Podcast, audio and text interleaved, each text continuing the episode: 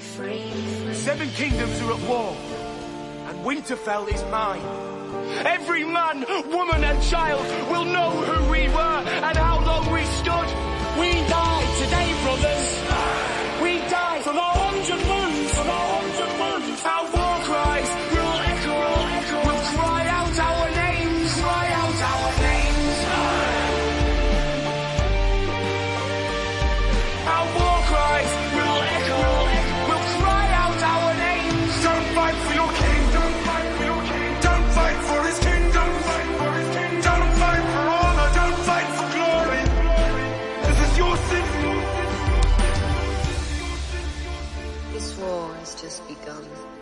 will last for years. Don't be afraid. The Queen has raised the drawbridge. This is the safest place we can be. Should we sing a hymn? Save our sons from war, we pray. Save our sons from war, we pray. Gentle Mother, font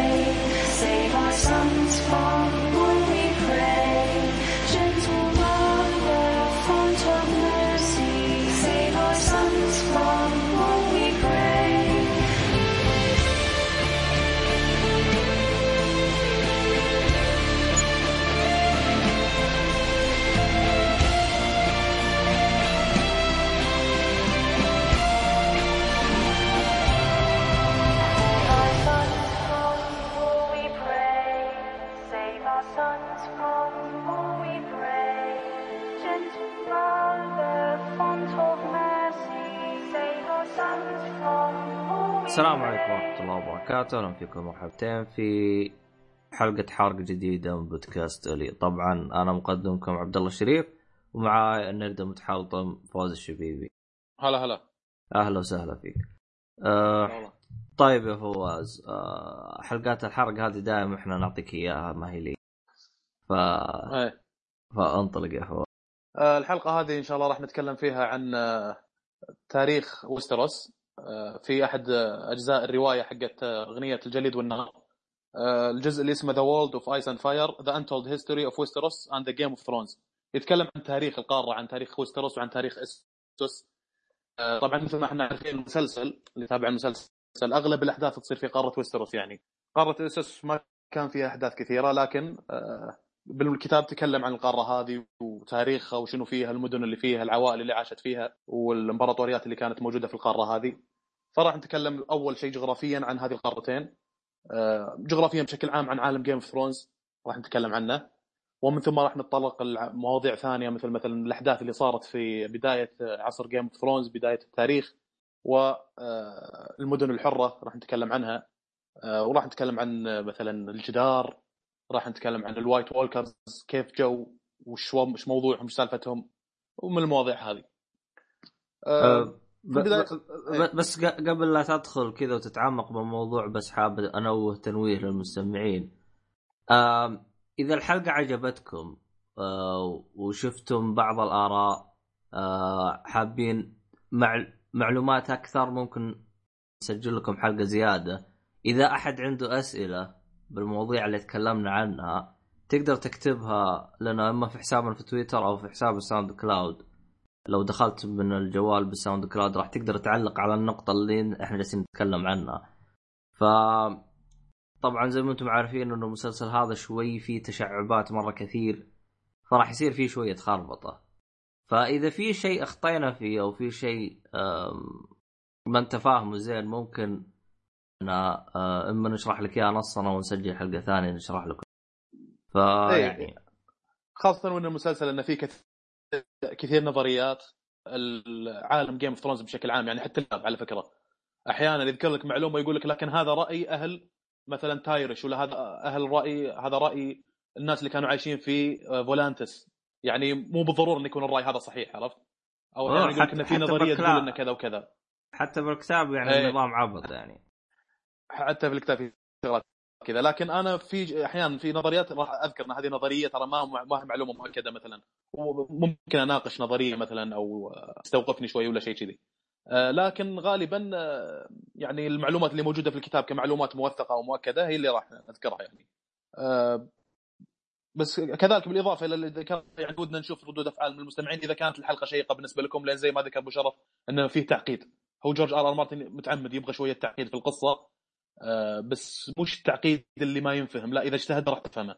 بس إذا اجتهد. يعني هو نفسه جورج آر آر مارتن قال إنه كان بعد ما وصل تقريبا من 50 صفحة من بداية الرواية شاف إنه ممكن يلخبط فبدأ يحط chart في الرواية سوى الشغله آه بدأ يحط وين؟ من هالكلام. يحط chart ات وخرائط عشان لا يضيع بالشخصيات. لأن يقول هو كيف بدأت فكرة مع... كيف بدأت معاه فكرة Game of يقول آه هو طبعا مولود في نيو جيرسي وكان يبدأ يقرأ في بداياته كوميكس عن ويليام شكسبير مسرحيات ويليام شكسبير The Errors of Comedy وجزء تاجر البندقية ومن الكلام هذا. بعدين يوم نزلت الكوميكس حقت باتمان وسبايدر مان وسوبرمان وشخصيات superhero برضو قام يقراها. بعدين بدأ ينتج قصص مصورة نفس الشيء كان استمتاع في القصص المصورة. فعشان كذا ال graphics شيء فخم صراحة في الكتاب هذا. آه بعدين بدأ ينتج إنتاجات خفيفة في آه لوس انجلس ومن أبرز الانتاجات اللي سواها لأنه هو يبغى يدمج ال fantasy مع التاريخ مع آه science fiction مع أشياء كذا يبغى يدمجها في عمل مرئي. فسوى عمل اسمه The Twilight Zone وعلى كلامه يقول بالنسبة للعمل كان رهيب إذا إذا عرض بالطريقة اللي أنا كانت في بالي. آه أنت لو تفكر فيها أحيانا يعني تكون في أفكار في بالك الأفكار رهيبة يعني. لكن مجرد إنك تحطها على ورق راح تقل شوي. بالضبط. أفكار بالك ترجمتها إلى الكلمات راح يقل شوي. كذلك يعني يمكن الفكرة في بالك متبلورة في مخك بنسبة 100% خلينا نقول مثلا. لما تكتبها على ورق يمكن تصير 80% حسب براعتك في الكتابة وكذي وحسب فهم الناس المستقبل كذلك للشغلات اللي أنت كتبتها. بالمية الآن من الأفكار اللي في بالك دونت ككاتب روائي أو وات إذا عرضتها على التلفزيون وشالوا منها مثلا شباتر بسبب تكلفة الإنتاج هذا قلل أكثر وأكثر عرفت؟ وهذا اللي صار معاه في Twilight Zone يوم عرضوا عليهم قالوا هذا راح تكون تكلفة الإنتاج شيء كبير فشالوا يمكن شباتر من القصة. فيقول هذا الشيء حسس شنو؟ إني ما قاعد أستخدم إبداعي كامل في الإنتاج. مو هذا العمل اللي شفته بالنهاية كان في بالي بالضبط. فانكبيت على عالم الرواية وقعدت أكتب. آه، بالشكل هذا هو بدأ في عالم Game of Thrones يعني وزي ما ذكرت إنه بعد ما وصل 50 صفحة بدأ يكتب شارتات مثلا هذه عائلة الستارك هذه عائلة اللانستر هذه عائلة التارجيريان ويحط أفراد الأسرة. أساس لا يضيع بعدين. آه، اللي أنا أقوله إنه إذا مؤلف الرواية نفسه قاعد يستعين بشارتات وخرائط وهو قاعد يكتب عشان لا يلخبط عشان لا يصير في تناقض أحيانا. يذكر شخصية تكون موجودة في مكان من الأماكن مثلا رغم إنه في قبل كان قايل إن الشخصية هذه في مكان ثاني. فعشان لا يصير التناقض هذا كان كان يستعين في شارتات وفي رسوم بيانية وفي خرائط من هالكلام. فهذا كلام أنا وجه للناس اللي يقول لا أنا راح أكتفي في المسلسل وراح أفهم كل الشخصيات. صعب صعب جدا. أصلا عالم جيم ثرونز ما له بداية ولا له نهاية إلى الآن. يعني أعطيك مثال هذا الكتاب الحين أنا عندي. يقول لك أول جملة أول جملة في الكتاب. There are none who can say with certain knowledge when the world began ما في أحد يعني عنده معلومة مؤكدة متى العالم بدأ. عرفت؟ حتى البداية أول جملة في الكتاب مفتوحة يعني ممكن إنه يضيف ما قبل التاريخ هذا. لكن هو عموما بشكل عام إنه بدأ إيه لا بدأ إنه يقول إنه بدأ العالم في مخلوقين كانوا موجودين اللي هم أطفال الغابة والعمالقة. وجاب وصف لكل عرق من هذه الأعراق يعني. لكن قلت لك انه كون حط الجملة هذه في البداية معناته إذا حط شيء قبل الشيء هذا ما تقدر تلومه. عرفت؟ قال إنه ما في أحد متأكد إنه متى بدأ العالم من هالكلام. تمام. آه عموما نبدأ إحنا. آه شرح جغرافيا عالم Game Thrones The Song of Ice and Fire الجليد والنار. آه العالم مخيلة جورج آر آر مارتن يتكون من آه أربع قارات لكن الدوشة والأحداث كلها تصير في قارتين اللي هي ويستروس واسوس القارتين الثانيات الغير مكتشفة هي ساوثريوس والثوس عندك مشرف بالخريطة لو تشوفها تحت بتلاقي مكتوبين الظاهر في الخريطة اللي لونها أبيض. إي شايفهم تقريبا تقع إي تقع جنوب جنوب قارة اسوس وبالزاوية على اليمين في قارة الثوس اللي نظرية ها نوه على أنها نظرية يعتقد أن التنانين جاية من القارة هذه اللي هي الثوس. لأن الفاليريين التنانين في طبعا لو تشوفها برضو في الخريطه في مكتوبة فاليريا لقوا في منطقة اسمها the 14 flames اللي هي منطقة ال 14 لهب. لقوا فيها تنانين هناك لكن مو هذا مصدر تنانين أساسا. وين مصدر تنانين؟ ما يندرى. لكن في ناس يعتقدون إنهم من قارة الثوس لأنها كونها غير مكتشفة فيمكن تكون التنانين أصلا جاية من هناك. عموما زي ما قلت هذه نظريه مو شرط ما هو شيء مؤكد يعني.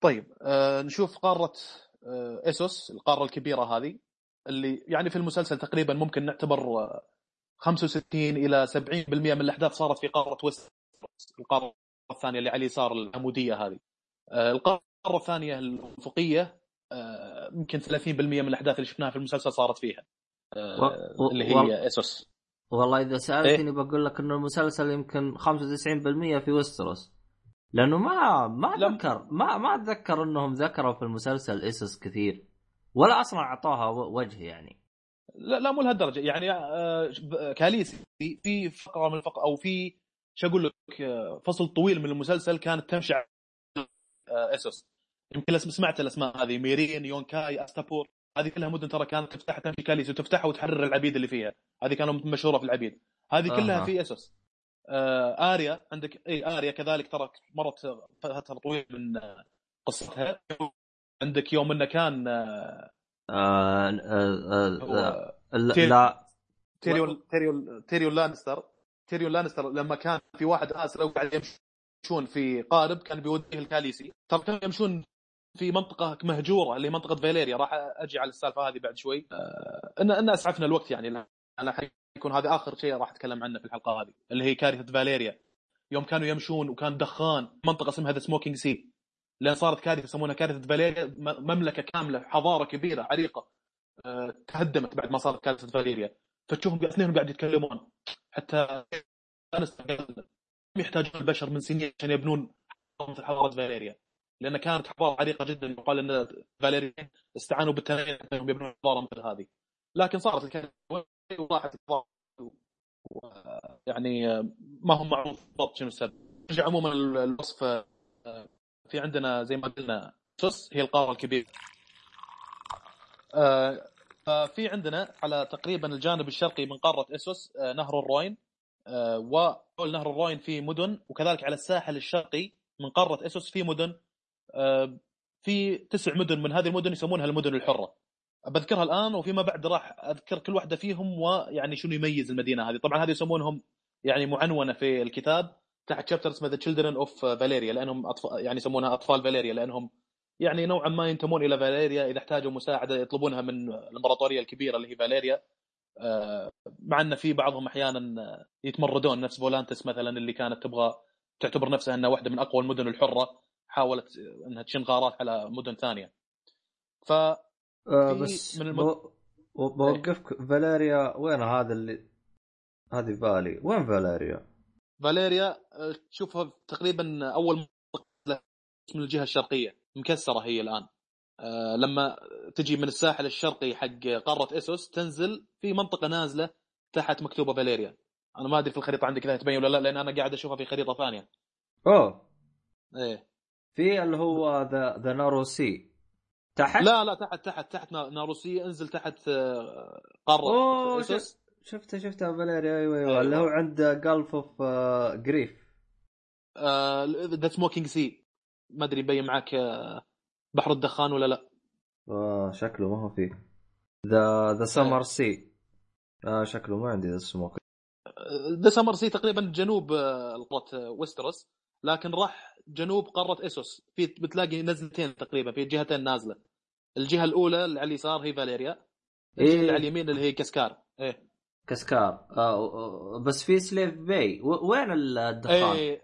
الدخان وينه؟ Slaver's Bay هذا راح معاه يسار يمكن ترى مو شرط إن كل التفاصيل موجودة في كل الخرائط يمكن ما موجود معك لكن إذا فاليريا يعني من المناطق من المناطق المهمة يعني أستغرب إذا ما هي موجودة في الخريطة اللي عندك لا لا لا, لكن- لقيتها لقيتها فاليريا فاليريا اي لقيتها Slaver's Bay تاخذه معاه يسار حتنزل فيك الخريطة بتلاقيها الحد طيب okay. حلو حلو تمام آه، فبذكرهم الآن المدن الحرة وفيما بعد زي ما ذكرت إنه راح أجيهم بشيء من التفصيل. آه، فولانتس، كوهور، نارفوس، بنتوس، لوراث، برافوس، تايروش، آه، مير، وليس. هذه المدن تسع مدن يسمونها المدن الحرة وزي ما ذكرت راح نجيها بعد شوي. بعدين عندنا في قارة فاليريا في قارة اسوس آه، تجينا كذلك إمبراطورية فاليريا زي ما ذكرت اللي هو معقل التارجيريان ولكن الأصح التسميه ان نسميهم فاليريين لأن كانوا عدة عرق عايشين في فاليريا. باختصار فاليريا اللي كانوا عايشين فيها أو الترجيريان كانوا ناس بسطاء آه، مزارعين ومشاه من هالكلام لكن زي ما ذكرت إن في منطقة اسمها the 14 flame اكتشفوا فيها مخلوق آه، عظيم ينفث الدخان اللي هو التنين. وقدروا وقدروا عن طريق السحر إنهم يروضون التنين ويستخدمونه لخدمتهم. وبالشكل هذا آه، الفاليريين شافوا نفسهم أسياد على العالم وبدأوا يفكرون في إنهم يستحوذون على يعني الممالك. وبدأت رحلتهم المشهورة اللي راح نجيها فيما بعد اللي بداها ايجون ترجيريان أو ايجون the Conqueror أو ايجون الفاتح اللي فتح قارة ويستروس. بعد ما آه، استوطن استوطنوا الترجيريين مدة 114 سنة في Dragonstone اللي تقع على الجانب الشرقي تقريبا ما أدري إذا كانت تبين عندك ولا لا من قارة ويستروس بقوا فيها تقريبا مدة 114 سنة. ممكن نفصل في السالفة هذه بعد فيما بعد. آه، طبعا اللي ينحاس معليش يعني هذا عالم Game of Thrones يجيك جورج آر مارتن يذكر لك معلومة هنا ويذكر لك تفاصيل هنا ويذكر لك قصة طويلة متعلقة في شخصية من الشخصيات. بعدين يوقف القصة هذه ويذكر لك شنو أنا ذاك شنو كان قاعد يصير في مدينة من المدن في اسوس ومن هالكلام. ف آه، يعني هذه متعة Game of Thrones إنك تقعد تحط bits and pieces together حتى انها تكتمل معك الصورة. آه بعدين في عندنا كسكار آه المملكة القسكارية والمملكة القسكارية كانت بينها وبين المملكة الفيليرية عداوة قديمة وهالعداوة امتدت واستمرت عبر التاريخ حتى الزمن اللي صارت فيه المسلسل وراح أذكر لكم قصة أو مشهد في المسلسل يذكركم بالشغلة هذه. آه، بشكل عام كسكار كانت تتميز بالاستعباد آه، على الساحل الشرقي من Slaver's Bay في عندنا مدينة ميرين ويونكاي واستابور آه، عاصمتها تقريبا كانت اولد جيس بعد ما تهدمت يعني كانت موجودة لكن فيما بعد تم تهديم هذه المدينة وتدمرت يعني طيب خلينا نذكر المشهد في مسلسل Game of Thrones ما أدري إذا شايف انت المسلسل أبو شرف صح؟ إي نعم. تذكر مشهد كانت كاليسي في زي مدرج الروماني وكان في اثنين قاعد يتعاركون دخلوا ناس لابسين اقنعة. تمام. ناس لابسين اقنعة وقاموا يقتلون في الجمهور اللي كان موجود أتباع كاليسي ويقتلون فيهم كذي طبعا هذول كان عندهم الاستعباد ثقافة. هذول الناس اللي دخلوا يسمونهم أبناء آه، هاربي. هاربي هي الآلهة اللي كانت موجودة في ميرين آه، يعني زي النسر له أجنحة وله صدر امرأة وله أرجل الظاهر آه، أرجل آه. نسر ولا حاجة زي كذا. لونه ذهبي. هي زي الآلهة. اسمها هاربي هذه الآلهة. آه، فكانوا الناس في كسكاريا يستعبدون العبيد ويحطون الأسياد العبيد هذول الناس أبناء هاربي. هذول اللي خاشين ولابسين أقنعة يسمونهم أبناء هاربي. فعداوة قديمة ما بين الفاليريين وبين كسكاريا. آه، وكاليسي اللي قاعد تمشي وقاعد تحرر العبيد هم ما عجبهم الشيء هذا. هم عندهم استعباد أصلا ثقافة يعني تاريخها قديم. آه، في امبراطوريه كاسكاري. فلذلك يعني ما عجبهم الشيء اللي قاعد يسويه كاليسي فلذلك دخلوا وقعدوا يشرحون في أتباع كاليسي. طبعا زي ما ذكرت إن أبرز المدن اللي كان فيها يتم الاستعباد هذا اللي هي ميرين ويونكاي واستابور أستابور. هي اللي يتم فيها تدريب نوعية من الجنود اللي يسمونهم the Unsullied شفنا جماعة من اللي يسمونهم الجنود الأطهار.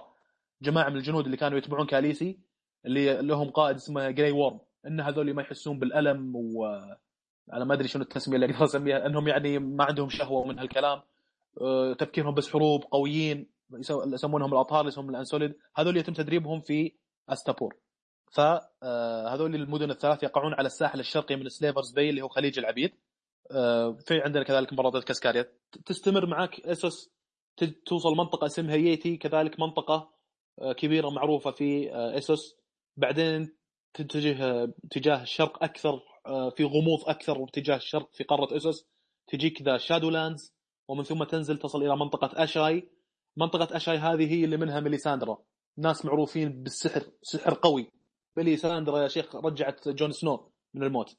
من قوة السحر اللي يسوونه في المنطقة هذيك. طبعا هي منطقة غامضة يعني مليئة بالغموض. إحنا ممكن نفصل فيها فيما بعد ما ظنيت في الحلقة هذه لكن ممكن نذكر عنها معلومات لأن فيها كتب سحر فيها يقول لك ما يعيش فيها حيوانات إلا نوع واحد من الحيوان من الأسماك. تعيش في البحار حقت أشاي ومن هالكلام وفيها يعني معلومات بسيطة لكنها آه، تعطيك حجم الغموض اللي موجود في أشاي. طيب آه، هذا تقريبا أبرز شيء في كذلك نص منطقة إسوس أو نص قارة إسوس في عندنا الدوثراكي Sea منطقة كبيرة جدا كانوا عايشين فيها الدوثراكي.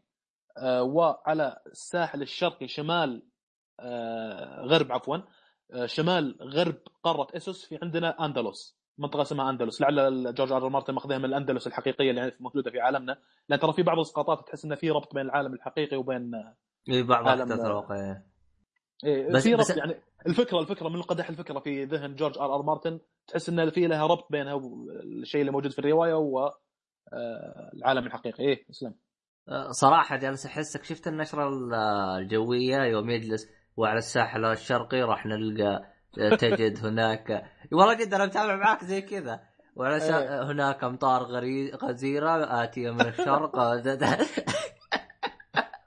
لأني أنا قاعد أشرح الجغرافيا حقت العالم الآن يعني هل اي والله يعني راسي صدع صراحة. آه يعني بالنسبة للمستمعين إذا المشكلة اللي يسمع الحلقة بالسيارة يمكن يضيع بالراحة. لكن إذا آه. أنت رايق وتاكي على مكتب افتح الخريطة حتى إنك تتبع صح يعني آه عموما آه، روابط الخرائط راح تلقاها احطك اياهم بالوصف آه، فيعني إيه. آه فزي ما ذكرنا في آه يعني على الساحل الشرقي آه، أو على الجهة الغربية الشمالية من قارة اسوس في عندنا الأندلس اللي منها الأندلز ناس يسمونهم الأندلز كذلك من الناس اللي هاجروا من قارة اسوس إلى آه، قارة ويستروس. آه، نجي الآن قارة ويستروس آه، طبعا من الجهة الشمالية من قاره إسوس في عندنا the Shivering Sea يعني البحر وبين قارة إسوس وويستروس في the Narrow Sea البحر الضيق. آه، في قارة ويستروس نبدأ من الشمال متوجهين للجنوب في عندنا أول منطقة the Land of Always Winter هي المنطقة اللي كان منها ال White Walker. آه، جايين من المنطقة هذه. وقبائل الهمج عايشين كذلك في المنطقة هذه وأحداث يعني آه، كثيرة في أكشن صاير في المسلسل في منطقة the Land of Always Winter. بعدين يجينا من الجهة الشرقية جنوب شرق تتجه يجينا Bay of Ice اللي هو خليج الثلج. بعدين يجينا في جزيرة فيها Bear Island اللي هي جزيرة الدب اللي هم آه، House مورمونت هم اللي كانوا يحكمون المنطقة هذه جزيرة الدب. House مورمونت هو اللي من جورا مورمونت اللي كان مع كاليسي اللي آه، جلده صار صخري تعرض لمسكة من واحد آه، أيوه. مخلوق إي مخلوق آه، صخري في لما كانوا رايحين ال- فاليريا لما كان آه، اسر آه، شو اسمه آه، تيريون لانستر كان بيوديه الكاليسي طب عليهم واحد ومسك يده بسبب إنه صار جلدة صخري. فهذا جورا مورمونت آه، هذا ال House حقهم هنا كانوا يح- يحكمون المنطقة هذه اللي هي Bear Island. وأبوه هو ال Lord Commander of the Wall اللي هو آه، الرئيس اللي يحرس ال Night Guard أو ال Night Watch آه، في بداية المسلسل. بعدين يجينا the Wall اللي هو الجدار. آه، بذكر معلومات عن الجدار لكن آه، يعني فيما بعد آه، الآن يعني ركز على الجانب الجغرافي. الجدار فيه 19 قلعة لكن ولا مرة 19 قلعة اشتغلوا كلهم. أقصى عدد من القلع اشتغلت 17 قلعة ودائما دائما في نقص وهذا سبب إن ولا مرة 19 قلعة اشتغلت. إن دائما في نقص آه، في ال brotherhood اللي هو الاخويه حقت ال Night Watch في نقص لأن يبغى لها واحد خلاص كرس حياته للشغله هذه. في عندهم قسم يقولونه آه، أغلب آه، يعني الموا- المواسم اللي شفناها في المسلسل كان جون سنو من ال Night Watch. آه، خلاص ما يتزوج ما يورث ما همه في الحياة إلا أنه يحرس آه، عالم البشر من آه، الهجمات اللي ممكن تشن سواء كانت من ال White Walker ولا كانت من قبائل الهمج اللي عايشين beyond the Wall فيحرسون ال Wall من آه، الشغلات هذه. آه، فزي ما ذكرنا هي 19 قلعة. آه، قلعة رقم اثنين أبرز فهي ثلاث قلعات المشهورة يعني. اللي هي قلعة رقم اثنين اسمها Shadow Tower وهذه تصير على اليسار. والقلعة اللي بالنص رقم 11 اسمها Castle Black آه لما تجي الأحداث اللي يورونا شنو قاعد يصير عند ال Wall لما جون سنو قاعد يتدرب مع الجنود من الشغلات هذه كلها غالبا تكون هذه Castle Black آه يعني على ما أذكر 90% من المشاهد كانت في Castle Black ما أذكر إنه جابوا قلاع ثانية. بعدين آه، قلعة رقم 19 اسمها Eastwatch by the Sea اللي تقع على الجانب الشرقي من الجدار. رقمها 19 آه، بعدين يجينا Bay of Seals اللي هو خليج الفقمات على الجانب الشرقي من قارة آه، ويستروس. بعدين تجينا المملكة the North مملكة الشمال عاصمتها وينترفيل ويحكمها الستارك. طبعا الآن راح أذكر العوائل اللي تحكم المناطق هذه لكن في زمن المسلسل مو أيام أول لأن أيام أول كان صار اختلافات بسيطة يعني. بس بسيطة يعني مو مو اختلافات جذرية. أغلب الممالك نفس ما هي تقريبا. آه، لأن بعد ايجون the Conqueror بعد ما فتح القارة كان يخير العوائل اللي موجودة. يا أنك تجثو وتخضع لي إن الآن هذه الأرض ملك للترجيريان وتحكم قبل الترجيريان وخليك أنت ملك على الأرض اللي أنت فيها. مو شرط نزيل حكمك يعني. إذا خضعت خلاص خليك أنت نفس ما أنت. وهذا اللي صار مع الستارك. بالستارك كان عندهم واحد اسمه تورين ستارك. آه، يعني عقب ما شاف آه، 45 ألف جندي من الترجيريان جايين يفتحون قارة ويستروس. آه، خضع وقال وثلاث تنانين قاعد يطيرون. مع ايجون ترجيريان فخضع وجثى على ركبته حتى سموه the King Who Knelt اللي هو تورين ستارك. لأن آه، هذا سابقة يعني ما عادة الشماليين وعائلة الستارك ما يخضعون لعائلة ثانية لكن هذا يوم انه خاف على قبيلته خضع ولذلك سموه the King Who Knelt الملك اللي خضع يعني. عموما آه، في الشمال زي ما ذكرنا the North عاصمتهم وينترفيل والعائلة اللي كانت تحكم هي الستارك. لما ننزل شوي حتجينا على اليمين آه، مملكة الوادي إيرن اللي شعارهم عصفور آه، وعلى اليسار House تالي كانوا يحكمون. في House تالي في على اليمين في منطقة اسمها God's Eye. هنا صار حدث مهم لكن راح أذكره بعد شوي لما أتكلم عن الخط الزمني لأبرز الأحداث اللي صارت. بعدين تجينا على يسار في مجموعة جزر يسمونها Iron Islands اللي هي الجزر الحديدية. House جريجوي هو اللي كان يحكم الجزر هذه وأبرز جزيرة من الجزر هذه هي آه، بايك. اللي هي تقريبا أهم جزيرة من الجزر هذه اللي كانوا يحكمونها جريجوي آه، ننزل جنوب أكثر تجينا على اليمين التارجيريان آه، يحكمون طبعا التارجيريان أوكي يفتحوا قارة ويستروس كاملة لكن هنا هذه يعني معنونة تحت حكم التارجيريان لأنهم أول ما نزلوا في قارة ويستروس كانت هذا المكان اللي نزلوا فيه. وعاصمتهم King's Landing هذه العاصمة اللي خلاها ايجون تارجيريان عاصمة حقت الفتح يعني. طبعا زي ما ذكرنا إن على اليمين في Dragonstone جزيرة على شرق قارة ويستروس هي اللي نزلوا فيها الترجيريان وقعدوا فيها مدة 114 سنة قبل لا يصير الفتح. وبعد ما صار الفتح نزلوا في المنطقة اللي ذكرتها اللي خلوا عاصمتها King's Landing آه بعدين على يسار في Casterly Rock مملكة the Rock آه عاصمتها Casterly Rock اللي يحكمها اللانستر ومملكه آه، في ال Reach اللي هي Highgarden آه، اللي يحكمونها عائلة التايريل. ومن ثم على اليمين يجون البراثيون وعاصمتهم Storm's End آه، اسم المملكة Stormland البراثيون هي العائلة اللي تملك المملكة هذه اللي تحكم المملكة هذه. آه، طبعا في أيام أول في القديم قبل لا يصيرون براثيون كان House دراندون اسمهم. هذه من العوائل اللي تغيرت يعني. وفي Sea of دورن اللي هو بحر دورن تقريبا تحت المنطقة اللي ستورم لاند وفي الجنوب في مملكة دورن اللي يحكمها House مارتيل ومن ثم جنوب قارة ويستروس في ال Summer Sea اللي هو آه، يعني البحر اللي يحد قارة ويستروس من الجنوب. آه، هذا أبرز شيء جغرافيا عن آه، يعني عالم Game of Thrones جغرافيا زي ما قلت. ويعني ممكن يفاجئنا جورج آر مارتن بقارة جديدة يتكلم عنها هم فيها تفاصيل ولا يتكلم عن تفاصيل كذلك موجودة في العالم هذا. لكن بشكل عام هذا بشكل سريع يعني حتى أنا ما تعمقت مرة في جغرافيا في المدن اللي موجودة في القارتين. آه ننتقل الآن للجدار. نذكر بعض المعلومات عنه. طبعا زي ما ذكرت إني أنا يعني أذكر معلومات وأنت تحط bits and pieces المعلومات مع بعض حتى ان تتكون عندك صورة كبيرة. لأن يعني the Song أو the Song of Ice and Fire اللي هي اغنيه الجليد والنار الرواية هذه عالم ترى هي أكثر من كونها مجرد رواية. آه الجدار.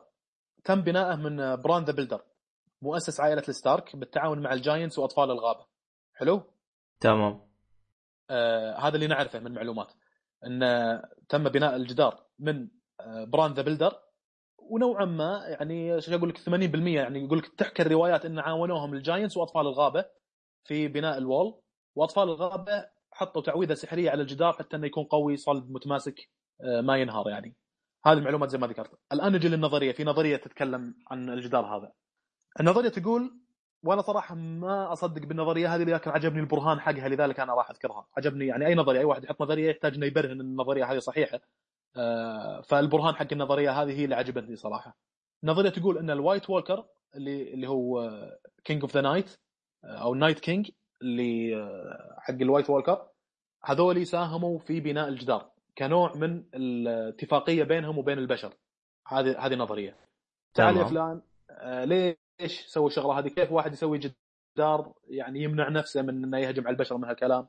النظرية تنبني على نظرية ثانية تقول إن رئيس اللي هو ال Night King آه، يقدر يشوف المستقبل. النظرية تقول كذا. وأكثر من واحد آه، من مصدر جتني النظرية. نظرية إن ال White Walker ساهموا في بناء الجدار هذا يعني جتني من مصدر واحد. لكن نظرية إن ال Night King يشوف المستقبل جت من أكثر من مصدر. طيب تعالوا أنتم اللي تقولون إن إيه؟ النايت كينج هو نفسه هذا اللي كان الرئيس حق ال White Walker اللي كان موجود بالمسلسل. إيه. عدل هذا هو. هذا ها. آه اي يقولون يعني في الموسم الأخير الماضي الموسم السابع جت كذا لقطة توريك إن هذا والله فعلا ممكن يشوف المستقبل. مثلا يوم إن جون سنو مع مجموعة من الناس وياه راحوا يبغى ياخذون Walker يبغى ياخذ ترى في فرق في فرق بين ال White Walker وبين ال wight. ال White Walker هم الزعماء اللي على الحصن اللي يتحكمون بال wight ال wight. ال wight زي الزومبي اللي تحس إنهم من خلال السحر قاعد يتصرفون وبس. بض... آه، هم عبارة عن جثث ميتة بس يتحركون آه، عن طريق. آه، عن طريق ال White Walker. okay آه، بالضبط حلو. بالضبط. حلو تمام تمام. ف يوم راحوا آه، جون سنو مع الجماعة اللي معه يبغوا ياخذون واحد من آه، ال wight يحبسونه ويودونه لسيرسي حتى إنه يقولون شوفوا ترى في نوع في عرق آه، أو في خطر قاعد يهدد حياتنا إحنا كبشر. فلازم نتحد مع بعض. إحنا كلنا التارجيريان مع اللانستر مع الستارك مع كذا حتى نواجه الخطر هذا. راحوا جون سنو مع كاليسي. مشهد فيه أبرز شخصيات Game of Thrones يمكن شخصيتين بس من الشخصيات الأساسية اللي ما كانوا موجودين فيها اللي هم سانسا وآريا. كانوا موجودين في الشمال. غير كذا. كلهم كانوا موجودين آه، سيرسي مع سانسا مع كاليسي آه عفوا سيرسي مع تيريون لانستر مع ال Hound الاثنين كانوا موجودين. جريجوي كانوا موجودين. اللي هو العم مع ثيون جريجوي. المهم إنه كانت شخصيات وايد يعني موجودة في المشهد هذاك. فبس يبي يقنعون سيرسي ترى في خطر يهدد حياة البشر. نبغاك تعاونينا فيه أننا نقضي على هذا الخطر. المهم يوم كانوا رايحين هناك يبغون يأخذون واحد من هذولي جاء مشهد تقريبا أربعة أو خمسة من زعماء ال White Walker قاعدين على الحصن وقاعدين فوق لأن هجموا آه، اللي هم أتباعهم اللي هم ال wights. حوطوا جون سنو وجماعته جون سنو وجماعته قاعدين في مثل الجزيرة المتماسكة لكن يحيطهم الثلج يتكسر. المنطقة اللي تحيط فيهم. كان الثلج فيها يتكسر فلذلك قاعدين وال wights ما هم قادرين يدخلون عليهم لأن مجموعة كبيرة من ال wights طاحوا بالجليد يعني لأن الجليد تكسر في المنطقة هذيك. فقاعدين يستنون وزعماء حقين ال White Walker قاعدين فوق وما قاعد يسوون شيء. إيش قاعد يستنون طيب؟ هنا في ناس يقولون المشهد كان غريب يعني يعني وكأن آه، ال Night King قاعد يستنى قدوم ال dragon قاعد يستنى قدوم كاليسي مع التنين. الآدمي قاعد يشوف المستقبل يدري نبي عرفت؟ تمام. ف... اي قال لك okay شغلة ثانية. يوم جت كاليسي ومعاه تنانين جاك رفع الرمح ومن أول ضربة أوبا ويجيب فيسيريون ويطيح فيسيريون التنين. ليش رمى الرمح على التنين اللي كان يطير ليش ما قطع على دروجون التنين الثاني اللي كان تحت؟ لأن الظاهر إنه يشوف المستقبل فشاف نفسه قاعد على التنين فيسيريون اللي يطير. فلذلك قط السهم وكان يشوف تحركاته حتى. فلذلك من ضربة واحدة قدر إنه يجيبه ويطيحه. آه، طبعا في مشهد ثاني في حرب صارت بين التارجيريان واللانستر. في آلة تستخدم في الحرب من خلالها يطيحون التنانين أو يصيبونهم. شفنا واحد كان مرتزق مقاتل مرتزق لكنه شرس جدا قوي الآدمي ويقاتل بخبث. آه، كان يساعد جيمي لانستر. فكان في الجهاز هذا كانوا يستخدمونه حتى أن يطيحون فيه التنانين. فجيمي لانستر قال له راح استخدم الجهاز هذا. قال له راح استخدمه أنت. المرتزق يقول لجيمي لانستر. جيمي قال له ما أقدر أستخدمها بيد واحدة. جيمي لانستر يده مقطوعة. قال okay okay ازهلها يا الذيب راح. راح أخذ الجهاز هذا وركب عليه زي الرمح الكبير اللي يخترق العظم يقول لك حق ال dragon وقاعد يسحبه يسحبه يسحبه. وطلق أول طلقة ما جت فيه. هذا المشهد تحس إنه واقعي. okay ما راح تجيبه من ال first shot يعني. بعدين اسحبه مرة ثانية والتنين قرب له وكذا بعدين طلق طلقة ثانية وصاب عقب ما قرب التنين يعني. بينما نشوف ال- ال Night King من ال first shot جاب في سيريون طبعا هذا التنين هو في سيريون آه، وليس دروجون زي ما ذكرت. طيحة. ومن ثم حوله إلى آه، آه، White Walker أو عفوا إلى White Walker Walker إيه. White أو Walker المهم إنه يعني مو من الزعماء من اللي يتم استخدامهم. واستغلالهم أتباع إيه. يقول لك عقب ما صار من الأتباع تشوف التنين كأنه مهكر. سريع. وقاعد ينفث النار الزرقاء هذه على ال wall وكسروا الوول شغل أكشن. يعني آخر لقطة صارت في الموسم السابع. صراحة شيء يحبس الأنفاس يعني مستنيين الموسم الجاي إنه يكون كل الحلقات قوية المفروض صراحة. فباختصار أن هذه النظرية تقول إلى الآن ماكو شيء مؤكد لكن يقال أن آه وفي نظرية أنا ممكن أحطها بس آه مشكلة ما أبي يعني كوني م- يعني تعمقت في الشغلات هذه ما آه، رواية أخاف إني أحرق أو شيء أو أحط نظرية. أن باختصار النظرية ممكن الآن بران آه، اللي هو براندن ستارك اللي هو المقعد يقدر يسوي وورق وقدرته بدأت تتطور يوم عن يوم. آه، أول كان يشوف يعني يدخل الحلم ويشوف بالحلم كان في واحد يقول له إن أنت عندك قدرة تقدر تدخل في شخصيات تقدر تدخل في حيوانات تسوي وورق ومن هالكلام. وبدأ يساعده في إنه يطور قدرته وبعدين صار وورق بشكل رسمي آه، اللي هو بران شوي شوي قدرته تتطور إلى أن تعرف على واحد هالواحد خلى قدرة بران تتطور أكثر بحيث إنه يرجع للماضي. يوم إنه رجع للماضي وشاف هودر وهو صغير وشاف آه، لقطات كثيرة في الماضي شاف ال White Walker كيف تكونوا آه، شاف آه، جون سنو مين هو؟ شاف جون سنو من هو اللي هو ليانا ستارك مع ريجر ترجيريان يوم يتزوجون آه، فيرجع للماضي في أكثر من لقطة. فشوي شوي قدرة بران قاعد تتطور. زي ما ذكرنا صار warg يقدر يخش في الشخصيات وفي حيوانات. دخل في آدم دخل في هودر أكثر من مرة. آه، ويرجع للماضي. هل من الممكن إنه يدخل في أو أو يدخل في تنين؟ I'm just wondering ما أدري. هل ممكن بران يدخل في تنين فنشوف هذا الشيء يمكن يصير في الموسم القادم؟ هل ممكن أنا أنه يروح للمستقبل؟ يروح للماضي الآن هو. هل ممكن يشوف المستقبل؟ بران. فهذه مجرد تساؤلات أنا أحطها. ممكن ابني عليها نظرية لكن آه، آه، بران شخصية يعني تستحق الاهتمام يعني. أنا أنا إيه. أتذكر بالمسلسل بران كان خايف إنه ال White Walker يشوفوها بحاجة زي كذا بس إني ناسي أنا إيه. ليش. اي لا آه. لأن يمدي يمدي تتبع ال- ال White Walker. آه، لما يسوي warg اللي هو بران ويشوفه Night King راح يعرف مكانه. زين هذا تمام. كذلك الناس اللي يقولون إنه يشوف المستقبل. حس إنه ال three-eyed raven اللي هو الغراب ذو الثلاثه أعين اللي قاعد يدرب بران راح ينقل قدرته لبران. فقرر إنه يروح يقتل ال three-eyed raven قبل لا يسوي الحاجة هذه. وفعلا وصل وقتله بس الظاهر إنه يقال يقال إن قدرة ال three-eyed raven انتقلت لبران. آه بعد ما وصل اللي هو ال Night King لأنه دخل الكهف. ما أدري إذا تخبر هاللقطة ولا لا. لكن Night King دخل الكهف وشاف بران وشاف الثاني اللي قاعد يطور قدرة بران. وقتل الشايب بس بران آه، يعني تم انقاذه من هودر والبنت الثانية وأطفال الغابة كانوا كذلك موجودين. ف آه، الله أعلم. يعني إذا كان آه، بران قدر إنه يطور قدرته لدرجة إنه يشوف المستقبل وال Night King فعلا النظريه هذه صحيحة وهو يقدر يشوف المستقبل فهنا القوة متكافئة يعني نقدر نشوف انه في واحد ممكن يواجه الثاني آه، أو على الأقل كل واحد ممكن يقود المعركة ضد الثاني آه، عموما نرجع أنا. أنا شوي شطحت في النظرية آه، زي ما ذكرت إن النظرية إن ال White Walker ساهموا في بناء الجدار طيب البرهان كذلك على اللي يقول الشغلة هذه غير إنه يشوف المستقبل يقول إنه ممكن إنك تسوي معاهم اتفاقيات اللي هم ال White Walker شو الدليل على ذلك؟ يقول إنه سووا ال wall كنوع من ال... انه خلاص إحنا سوينا لكم الجدار لا حد يجي منطقتنا. the Land of Always Winter beyond the wall لا حد يجي المنطقة هذه يا بشر.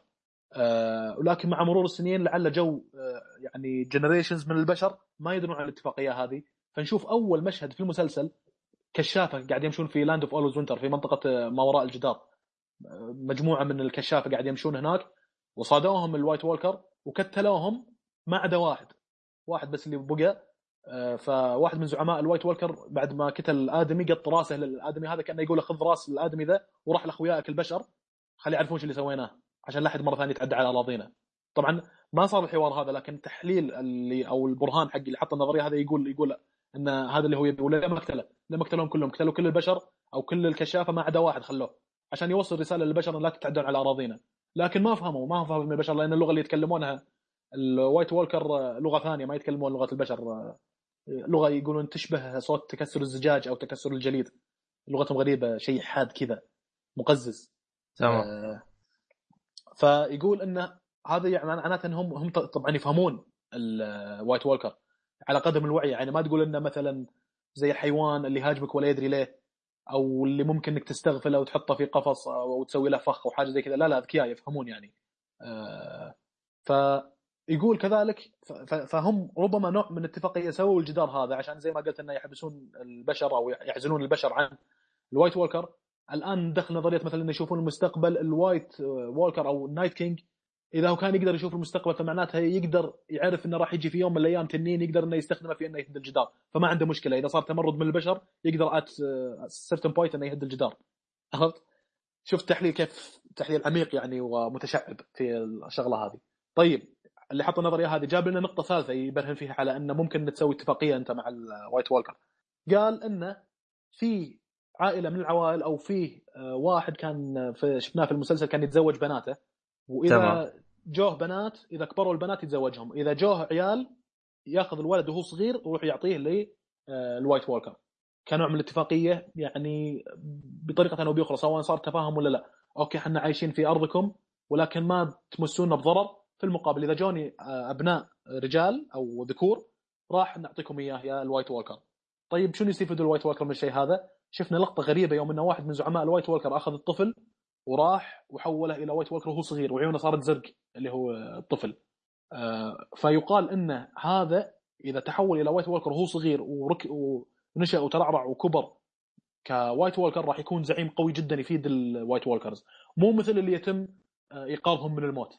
هذا اللي ينشأ هو هو حي يتم تحويله إلى White Walker هذا راح يكون قوي في المستقبل عرفت أقوى من نعم. اللي يحيونهم آه، وربما أن اللي يحيونهم أصلا هم عبارة عن Wights زي ما ذكرنا أتباع واللي يحولونه إلى White Walker نفس الطريقة اللي شفناها اللي صارت مع الطفل يصير White Walker يصير من الزعماء يعني آه، فهذا معناتها انك تقدر تسوي اتفاقية أنت كبشر مع ال White Walker ودل على ذلك أن هذا شفناه أنه يسوي اتفاقية راح أعطيكم الابناء الذكور في المقابل أنكم تخلوني أعيش في الأرض هذه ما حد يمسني بضرر.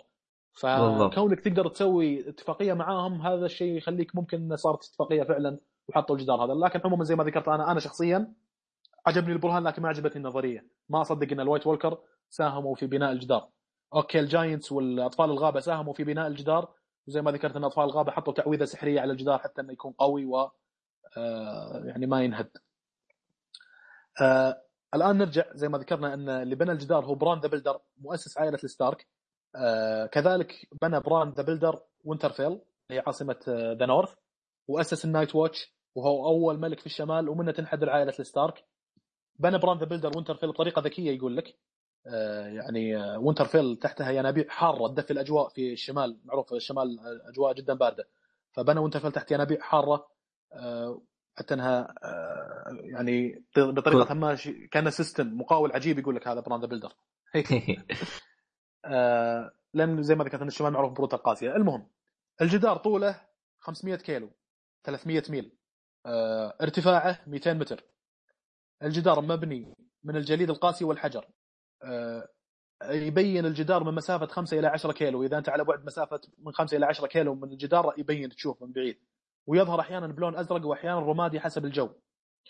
الجدار يعتبر واحد من عجائب الدنيا تسع من صنع البشر في عالم Song of Ice and Fire طبعا آه، في عالم Game of Thrones في عجائب الدنيا الدنيا في ناس يقولون تسع في ناس يقولون سبع من صنع البشر. وفي عجائب الدنيا سبع من الطبيعة. عجائب الطبيعة سبعة هذه أوكي ثابتة. عجائب اللي من صنع البشر في ناس يقولون تسعة وفي ناس يقولون آه، سبعة. عموما. ال Wall يعتبر واحد من عجائب الدنيا آه، السبع خلينا نقول أو التسع آه، اللي من صنع البشر. الآن آه، شوف شعب الهمج من الشعوب اللي كانت تعيش خلف الجدار beyond the Wall هم شعب يعيش خلف الجدار أصولهم من الرجال الأوائل ويعبدون الآلهة القديمة أعدادهم تصل إلى مئات الآلاف. ينقسمون إلى مئات الثقافات والقرى والعشائر. ويقولون عن نفسهم إنهم أحرار بخلاف أهل الجنوب الراكعين والخاضعين للملوك بينما الناس جنوب الجدار يقولون عن ال Wildlings اللي هم الهمج إنهم بربريين ووحشيين وإنهم ما يخضعون القوانين والنظام وإنهم بدائيين وإنهم ينتشر بينهم القتلة واللصوص وإنهم ينهبون من هالكلام آه، وفي عدة قبائل الهمج وأحيانا تصير حروب ومنازعات بين هذه القبائل. مثلا شعب هارد هوم. شفناهم في المسلسل الشعب هذا. يميزهم انهم من أكثر الشعوب الهمج تماسك وممكن يكونون الوحيدين من قبائل الهمج اللي عندهم مدينة صغيرة تقع خلف الجدار. أما باقي القبائل فهم بدائيين شبه رحل آه، يرحلون حسب الحاجة يعني. وفي قبيلة نهر الجليد اللي يتغذون على لحم البشر وفي سكان الكهوف اللي يصبغون وجوههم بألوان أخضر وأصفر وبنفسجي. وفي قبيلة الثنز اللي يتميزون بأنهم على قدر من الثقافة وكذلك في العمالقة اللي ممكن يعتبرون من شعب الهمج. آه، عرق من أو نوع من القبائل كذلك الهمج اللي تعيش في آه، شو اسمه خلف الجدار. آه، إيش كنت بقول إيه يعني الآن في عندنا واحد اثنين ثلاث أربع خمس خمس أنواع من قبائل الهمج اللي ذكرناهم هم كثير ترى آه، اللي هم شعب هارد هوم وقبيلة نهر الجليد والعمالقة وقبيلة الثنز واللي يعيشون في الكهوف. اللي كنت بذكره لقطة ما أدري إذا كان انتبه لها البعض ولا لا عن نرجع لشغلة ال Night King أول White Walker كيف تكون؟ في ناس يتساءلون أحيانا هذا الشيء شافه آه، بران لو بنرجع في الماضي بعد ما صارت حروب آه، وأطفال الغابة عقب ما وصلوا ال- الأندلز إلى ويستروس يقول لك إنهم افتكوا فتك في أطفال الغابة آه، شرحوهم لأنهم كانوا يعني على قدر من التطور بينما أطفال الغابة كانوا يعيشون في الغابات شوي بدائيين فتم الفتك فيهم في أطفال الغابة. يوم شافوا نفسهم قاعد هم أصلا نادرين وقليلين في العالم هذا. وكذلك يتم قتلهم وفتك فيهم بالشكل هذا فحسوا إنهم إيش؟ يحتاجون إنهم يسوون شيء يتغلبون فيه على آه، الاندلز. فواحد من اطفال الغابة اخذ طبعا اطفال الغابة شفنا ترى شكلهم شوي يتغير عن اللي في الكتاب. مذكور انه آه، عيونهم كبيرة. آه، اليد الواحده فيها ثلاث أصابع والقدم الواحده فيها ثلاث أصابع. شوي يختلفون عن اللي شفناهم في المسلسل. عموما آه، واحد من اطفال الغابة أخذ خنجر من ال dragonglass. ال dragonglass آه، يعني آه، ال White Walker يموتون بنوع بنوعين من السيوف. السيوف المصنوعه من ال dragonglass والمصنوعه من ال Valyrian steel.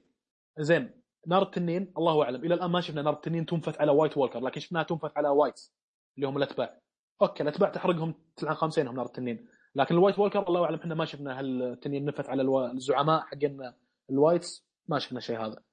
عموما واحد من أطفال الغابة أخذ خنجر من آه، dragonglass. وحط فيه سحر كبير وطعنه في قلب آدمي. وبالشكل هذا تكون أول آه، White Walker اللقطة هذه جت ما أدري إذا انتبه لها البعض ولا لا.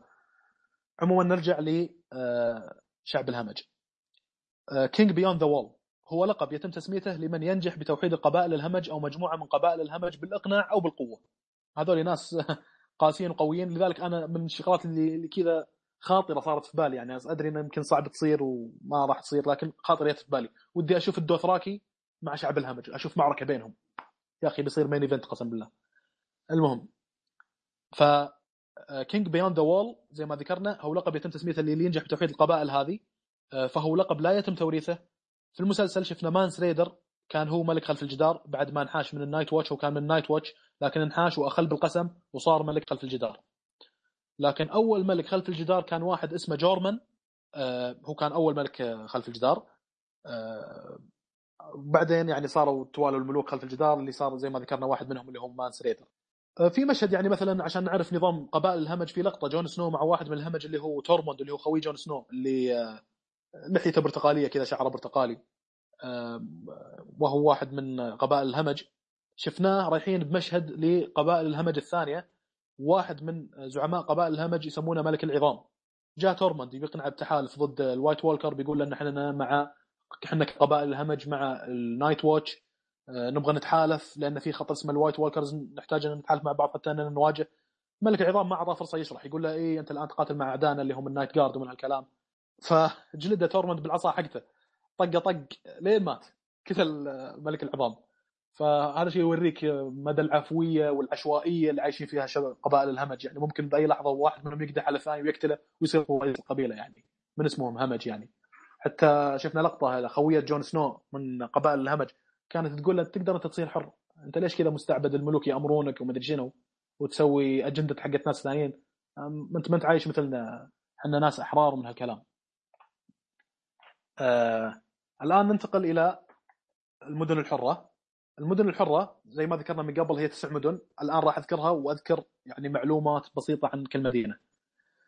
المدينة الأولى برافوس. مدخل المدينة عبارة عن تمثال الجندي عملاق يحمل سيف ودرع وهو واحد من عجائب الدنيا تسع من صنع البشر. آه، جاء التمثال هذا في آه، حتى يعني قدمين حق التمثال على جزيرة وقدم ثاني على جزيرة ثانية والسفن تمشي تحت الجندي هذا. هذا من عجائب الدنيا التسع اللي من صنع البشر. وكذلك يوجد في برافوس البنك الحديدي واللي يقرض التجار والأمراء والملوك. وكذلك يوجد في برافوس معبد الماني فيسز جاد اللي هم الرجال مجهولون الهوية. شفنا آريا تروح للمعبد هذا. آه، طبعا في تفاصيل عن المعبد هذا لكن زي ما ذكرنا يعني باختصار هم رجال مجهولين الهوية آه، ممكن إنك تستخدمهم كاساسا كقتلة مأجورين لكن غاليين. يعني يقول لك يمكن بنص السعر اللي تدفع للواحد من أتباع المعبد هذا تقدر يعني تستخدم مرتزقة يسوون لك المهمة اللي أنت تبيها. لكن المرتزقة يمكن ينصبون عليك ما يمكن ما تضمن إنهم راح يسوون المهمه اي بينما هذول يقول لك القتل مضمون عندهم اللي هم رجال مجهول الهوية اللي ينتمون لمعبد Many Faces God. حتى يوم أن اريا أنقذت واحد منهم قال لها قال لها أعطيني ثلاث أسماء راح أقتلهم. كذا بدون تفاهم. قال لها قالت له الاسم الأول تم وفعلا مات. الاسم الثاني تم. فالقتل عندهم مضمون يعني. آه، طبعا زي ما ذكرت في تفاصيل يعني في شوية كفريات في الموضوع. إله الموت وإنك لازم تكون ما عندك هوية حتى إنك تقدر تتقمص شخصيات. آريا لعبتها صح آريا. هي زي اللي مثلا كأن في حياتنا العادية يعني أو في عالمنا الحقيقي كأني أروح وأقول للبوذيين أوكي أنا بصير بوذي بتعلم ديانتكم. علموني البوذية وتعاليمها وخذيت القدرات اللي موجودة عندهم وطريقة تفكيرهم قلت لهم سلام. يلا وجه من وجه خذيت القدرات حقتهم وسحبت عليهم. تقريبا هذا اللي سوته آريا يعني عرفت قدرة كيف تتنكر وكيف تتقمص الشخصيات وخذت هذا اللي تحتاجه وراحت. وشفناها في أحلى لقطة صراحة من اللقطات اللي استخدمت القدرة هذه مع وولدر فري اللي آه، في ال Red Wedding اللي قتل إيه. أمها وأخوها آه، روب ستارك. انتقمت انتقام شيء يبرد الكبد انتقمت منه ومن قبيلته. ف... الظاهر الظاهر كانت حلقة كاملة عن كل ال... ال... الأشياء اللي انتقمت منهم. ما ما بقت أحد. كانت إيه كذا إيه. حلقة تروح المنطقة الفلانية وتذبح تذبح اللي آه، كانت حاقد عليه تروح اللي بعده بعدين اللي بعده. اي في في لقطة آه، جابت كيكة. واحدة أول مرة تشوفها هي المفروض إنها واحدة من بناتها لكن ما أدري كان أول مرة تشوفها. جابت كيكة وحطتها عند وال- والدر فري قاعد ياكل من الكيكة وقالت قال وين فلانة؟ قالت موجودة. هذه اللي جابت الكيكة. قالت موجودة. كان يقول وين هي موجودة؟ قالت موجودة معانا هنا. شو يقول وين هي؟ شو يقول هذا كنت قاعد تاكلها. قلت مستغرب. اثري هذه آريا متنكرة بشخصية واحدة من بناتها عرفت؟ وقتلته. طلع الكيكة قتلت واحدة من بناتها الظاهر وحطتها في الكيكة حتى موجودة اصبع مقطوع كذا محطوط في الكيكة. قاعد ياكل بناته وهو ما يدري. ف بعدين جاب يعني تقمصت شخصية وولدر فري نفسه وحطت الظاهر سم في الشراب. في هذه أول لقطة تقريبا في الموسم السابع إنها انتقمت من آه، هاوس فري يعني كلهم. آه، فيعني يعني القدرة عندها بشكل حلو قاعد تستخدمها آريا. نروح المدينة الثانية آه، لوراث. لوراث مدينة معزولة لذلك هي العرض طبعا أبو شرف في صورة من الصور اللي أرسلت لك إياها اللي هي لونها أخضر خريطة لونها أخضر. طيب. موجودة ترى المدن التسعة آه، المدن الحرة اللي أنا قاعد أشرحها الآن. تمام تمام. لوراث مدينة معزولة آه، لذلك هي الأضعف والأفقر بين المدن الحرة. يعني ما في معلومات آه، كثيرة عنها ممكن تنقال. ليس ليس جزيرة جميلة من أجمل المدن الحرة. تلاقيها جنوب تحت على اليسار جنوب قارة. آه، اسوس يقول لك من أجمل المدن الحرة وهي مدينة تجارية بنيت على أراضي خصبة. توجد بها مواد وطبيعة خلابة وطيور وأشجار وأغلب ملوك التركيريان يتخذون زوجات من ليس لجمالهن. آه، أبرز منتجات ليس هي سموم مثل دموع ليس. آه، فهذه من الأماكن يعني في لها صور شفت بعض المصادر يجيب لك صور الليس طبيعة رهيبة يا أخي آه، تتميز فيها الجزيرة هذه. أربعة مير. مير آه، موجودة على الساحل الشرقي لاسوس جنب تايرش إذا تبين معك. إيه من أكثر المدن تطورا من المدن الحرة، أبرز منتجاتها السجاد والزجاج وتتميز بالاستعباد بحيث أن كل مواطن تقريبا يملك ثلاث عبيد على الأقل. يعني ساتر شغل سيارة. هذا صار ما هو إيه تشوف آه بعدين نشوف في نهر الروين آه لما تروح شمال نهر الروين في مدينة اسمها نارفوس من المدن الحرة. نارفوس تتميز بالمناجم والكهوف وتقول الأساطير أن واحد من هذه الكهوف شديدة الاتساع أنها بوابة للعالم السفلي وهو أحد عجائب الطبيعة السبع. إحنا قلنا إن في سبع عجائب طبيعة سبع عجائب من الطبيعة وسبع عجائب أو تسع من صنع البشر. هذا البوابة للعالم السفلي اللي موجودة في نارفوس واحدة من عجائب الدنيا آه، الطبيعية السبع. شوف هذه هذه واحدة من الشغلات اللي يعطيك شغلة غامضة كذا ويتركها ما ما ما كمل طيب ب- بوابة العالم السفلي شنو في طيب هناك؟ جورج آر مارتن انت عن شنو تتكلم عن الجن؟ عرفت؟ خلاها كذا وشغلة غامضة ممكن بعدين يبني عليها شيء يقول إحنا مو قلنا لكم إنه في بوابة العالم السفلي، العالم السفلي هناك عبارة عن عالم فيه كذا وكذا. فمن جد آدمي آه، ما يمديك تعرف شنو الشيء اللي ممكن يسويه، يعني خبر آه، ازورا هاي إس اي واحد من الناس اللي عندهم قنوات تتكلم عن Game of Thrones يقول آه، في اليوتيوب يقول يعني لا يمكن التنبؤ في Game of Thrones بالإضافة إلى إنه ما في شيء مستحيل ما في شيء مستحيل. طبعا هو قال ردا على واحد حط نظرية خايسة. آه، مع احترامنا لكل النظريات يعني لكن نظريه ما أدري كيف صاير يعني. في لقطة في الموسم الأخير في الموسم السابع جون سنو طلع من البحر بعد ما صارت طق مطاقق بينهم وبين ال White وال White Walker وكذا وبعد ما جو تنانين جون سنو طاح في بحر. بعدين يوم طلع كان السيف محطوط مع طلعته السيف حقه من ال Valyrian steel على ما أعتقد وفيه زي عيون الأسد اللي هو مسكة السيف. صارت لونها أسود. لقطه إخراجية كذا عفوية أتوقع إنها ما كانت مقصودة. فجاء واحد قال السيف شكله فيه سحر وإن جون سنو هو ازورا هاي اللي راح ينقذ العالم. وين؟ يا أخي لقطه إخراجية ما تستحق إنك تقول الكلام هذا كله يا أخي. ما تحس انها نظريه شوي ضعيفة يعني عرفت؟ إيه. المهم نرجع للمدن الحرة. رقم ستة كوهور. من أغرب المدن الحرة تتميز بالتكهن والسحر والشعوذة تسمى مدينة السحرة. حدادين كوهور يستطيعون صناعة الفولاذ الفاليري وهو سر لا يعرفه غيرهم. آه، إحنا قلنا إن ال White Walker يتم يعني ممكن إنهم آه، ينقتلون عن طريق الخناجر المصنوعه من ال dragon glass أو السيوف المصنوعه من ال Valyrian steel. ال Valyrian steel يتم صناعته في آه، كوهر وهو سر. يعني الحدادين هناك عارفين السر هذا كيف يسوونه؟ ما ما هم يعني ما يندرى نجي اللقطة حتى استشهادا بسالفة ال Valyrian steel. لقطة عقب ما صار ما اتحد آه، جون سنو مع قبائل الهمج وهجموا عليهم ال White Walker واحد من زعماء ال White Walker نزل على جون سنو آه، وصار زي المبارزة بينهم. ال White Walker زي ما قلت إنه على قدر من الوعي أو إنه ذكي أو إنه يخطط أو إنه يفهم عنده وعي يعني بشكل عام لكن لعلهم ما يدرون عن المعلومة إن ال Valyrian steel وال dragon glass يقتلهم. ظهر ما يدرون عن الشغلة هذه. لأن جون سنو قاعد يقاتل بالسيف وهذاك استغرب كيف السيف ما ينكسر وشاد معاه جون سنو. فتشوف استغراب على وجه الزعيم ال White Walker قاعد يتبارز معاه بعدين سنو طقة طقتين. الثالثة اللي هو كاتل فيها ال White Walker زعيم ال White Walker جون سنو قتله آه، لأن السيف حق جون سنو من ال من ال Valyrian glass عفوا من ال Valyrian steel اللي أعطاه اياه Lord Commander of the Wall أعطاه من باب انه طبعا هم كانوا يتوارثون اللي هم سلالة مورمونت فقال له هذا السيف اهديك يا جون سنو من هالكلام ويعني استفاد منه جون سنو في اللقطة هذيك. آه، فهذه لقطة تبين لنا إن طبعا هم يمكن ثلاث لقطات جو فيها يموتون زعماء ال White Walker، واحدة منهم هذه يوم يتبارزون مع جون سنو. لقطة ثانية يوم إنهم دخلوا الكهف اللي كان موجود فيه بران بران ستارك آه، كان في واحد من أطفال الغابة معاه رمح لعله مصنوع من آه، dragon glass أو من Valyrian steel. لكنه قط الرمح هذا وطق واحد زعيم من زعماء ال White Walker ومات. تكسر كذا اللي هو زعيم ال White Walker. هذه لقطة ثانية. اللقطة الثالثة سام. المتين هذا اللي مع قلي آه، معاه خنجر من ال dragon glass ورايح واحد من ال White Walker الظاهر كان متوجه لقلي ويجي سام معاه الخنجر هذا وطعنه بظهره. مات زعيم ال White Walker فهذه اللقطات تورينا أنهم آه، يعني سلاح قوي اللي هو ال dragonglass وال Valyrian steel اللي ممكن يستخدمون لقتل زعماء ال White Walker نروح للمدينة رقم سبعة. تايرش تايرش نشوف مكانها. آه إيه على الساحل الغربي ل آه اسوس آه مدينة غنية لاكتشافهم نوع من الحلزونات البحرية الثمينة النادرة وتشارك مدينة تايرش في تجا- تجارة الرقيق كذلك. رقم ثمانية فولانتس. أكبر المدن الحرة. المدينة منقسمة إلى قسمين فولانتس الشرقية والغربية ويربطهم جسر فولانتس الطويل أطول جسر في العالم.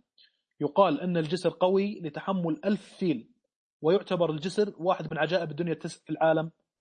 عجائب الدنيا التسع اللي من صنع البشر طبعا لأنه جسر.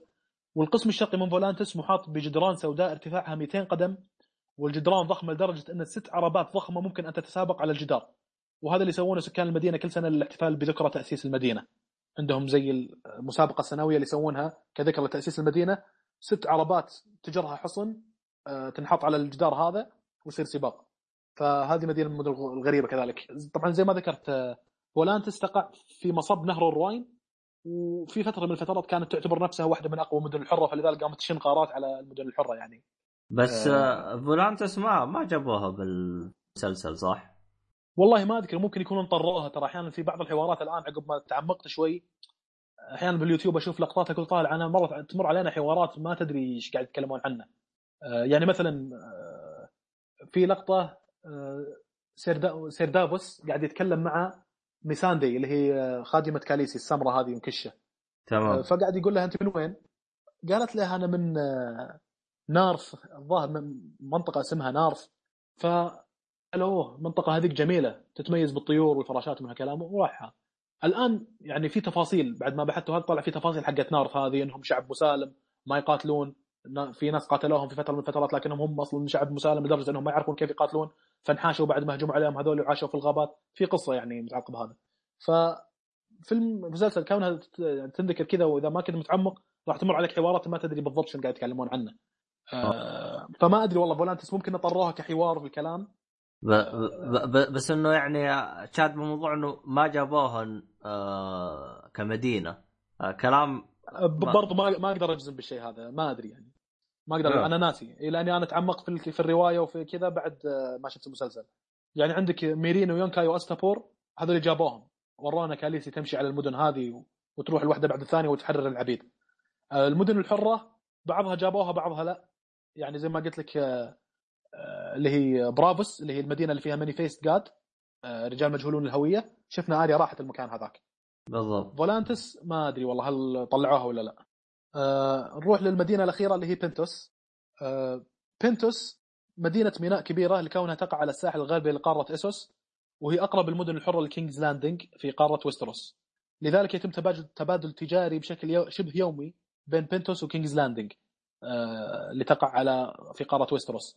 وبنتوس زي ما يبين تقع على الساحل الغربي لقارة اسوس فيعني تبادل تجاري عن طريق قطع آه، السفن التجاريه تقطع البحر هذا ويصير تبادل تجاري بين القارتين.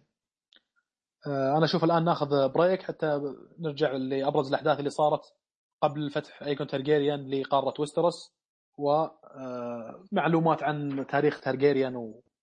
وفاليريان وكذي. لا أعتقد هذا break رهيب كذا تروح تروق تشرب لك شاهي لأني أنا دخت أنا دخت أوكي معلومات وايد أنا ذكرت معلومات وايد وكل أغلبها مو من المسلسل يعني لان قاعد نتكلم عن تاريخ احنا يا فنريح يعني و... يا ريح حبتين وبعدين كمل You came to us as outlaws. You came alone, in chains. All that is in the past.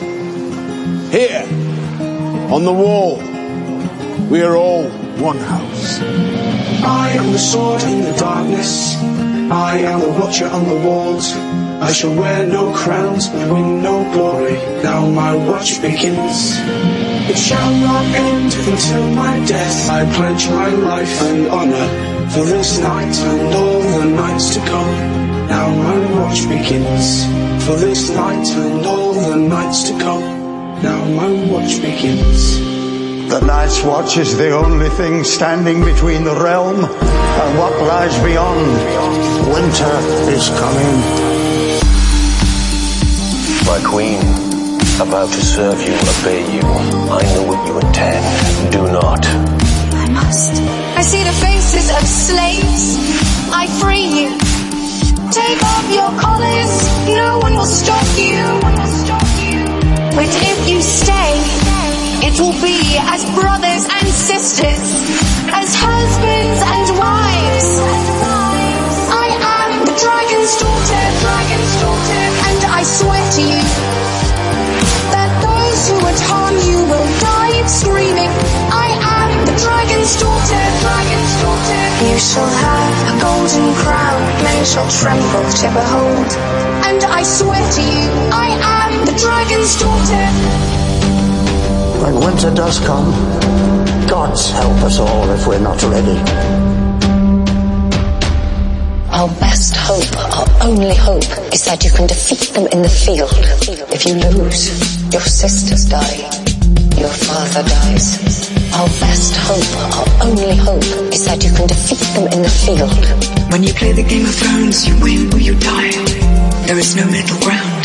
There is only one God, and his name is death. And there is only one thing we say to death. Not today.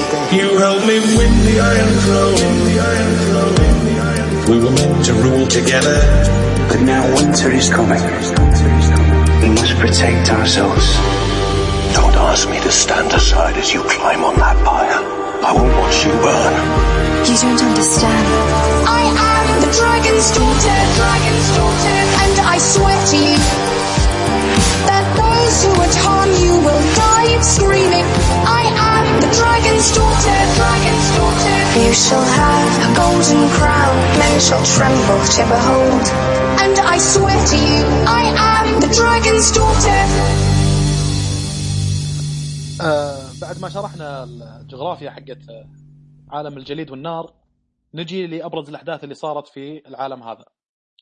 آه تقريبا يعني اقدم احداث صارت في العالم هذا إلى الآن يعني صارت 12000 سنة قبل الفتح، قبل الفتح طبعا أحيانا اللي بيقرا الكتب آه راح يشوف مكتوب BC في بعض التواريخ مكتوبة مكتوب BC هذا معناته before conqueror يعني قبل الفتح.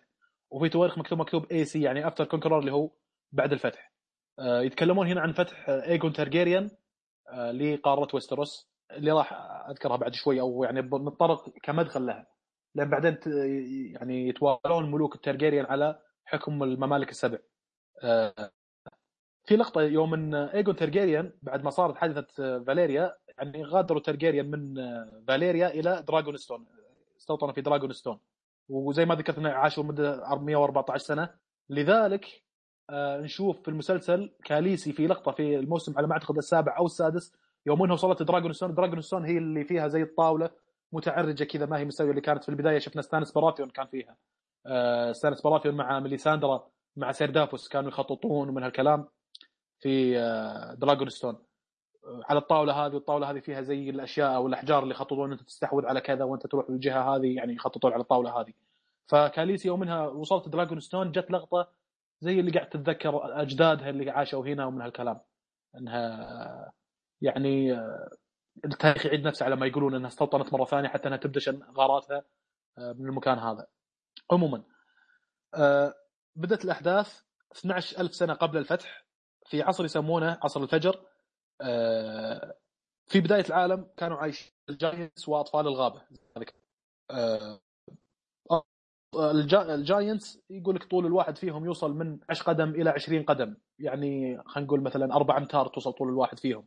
آه، يعني آدم ثلاث أوادم من طولنا إحنا كبشر الطول العادي ثلاث أوادم فوق بعض تقريبا. شفنا طولهم يعني جابوهم كطول في المسلسل جابوه آه، شيء واقع يعني معقول ان طولهم بالشكل هذا حسب وصف الكتاب. أما أطفال الغابة زي ما ذكرت أنا كان في بعض الاختلافات البسيطة ذكرتها من قبل آه، فهذا الحقبة الأولى. بعدين جت حقبة الرجال الأوائل. آه، الرجال الأوائل جو من قارة إسوس عن طريق ذراع دورن. في أول كانت دورن من الجهة الشرقية. نشوف في لها امتداد كان مشبوك هذا الامتداد في قارة إسوس. ومن خلال هذا الشيء تم استخدام رجال الأوائل لهذا الذراع عن طريق إنهم يدخلون قارة ويستروس. وعقب ما دخلوا صارت حروب بينهم وبين أطفال الغابة. استمرت في فترة طويلة يعني من الزمن. و آه، يعني فتكوا فتك في أطفال الغابة. والى درجة إن ملوا الاثنين يعني. اللي هم اطفال الغابة وما شافوا إن لا هذا يقدر ينتهي هذا ولا هذا يقدر ينهي هذا. فقالوا وش الحل؟ قالوا نسوي هدنة. اجتمعوا في جزيرة اسمها جاتس اي ما أدري إذا كانت موجودة عندك بالخريطة ولا لا لكنها جزيره تقع في تقريبا نص آه، قارة ويستروس. تجمعوا فيها آه، أطفال الغابة مع رجال الأوائل وقالوا نبغى تسوي اتفاقية نعيش حنا كأطفال الغابة في الغابات ولا تخشون الغابات لأن هذه خلاص تعتبر أراضينا وأنتم تعيشون في الأراضي المنبسطة والسهول والهضاب ومن هالكلام. لكم الأراضي الثانية. وما تقتلون الأشجار اللي تعتبر مقدسة بالنسبة لنا لأن أطفال الغابة كانوا يدينون بالديانة القديمة اللي هي آه، الطبيعة ممثلة في الوجيه هذه اللي إحنا قاعدين نشوفها على الأشجار. ما عندهم معابد كانوا يعبدون بالطريقة هذه يرسمون الوجيه على الأشجار اللي نشوفها في المسلسل.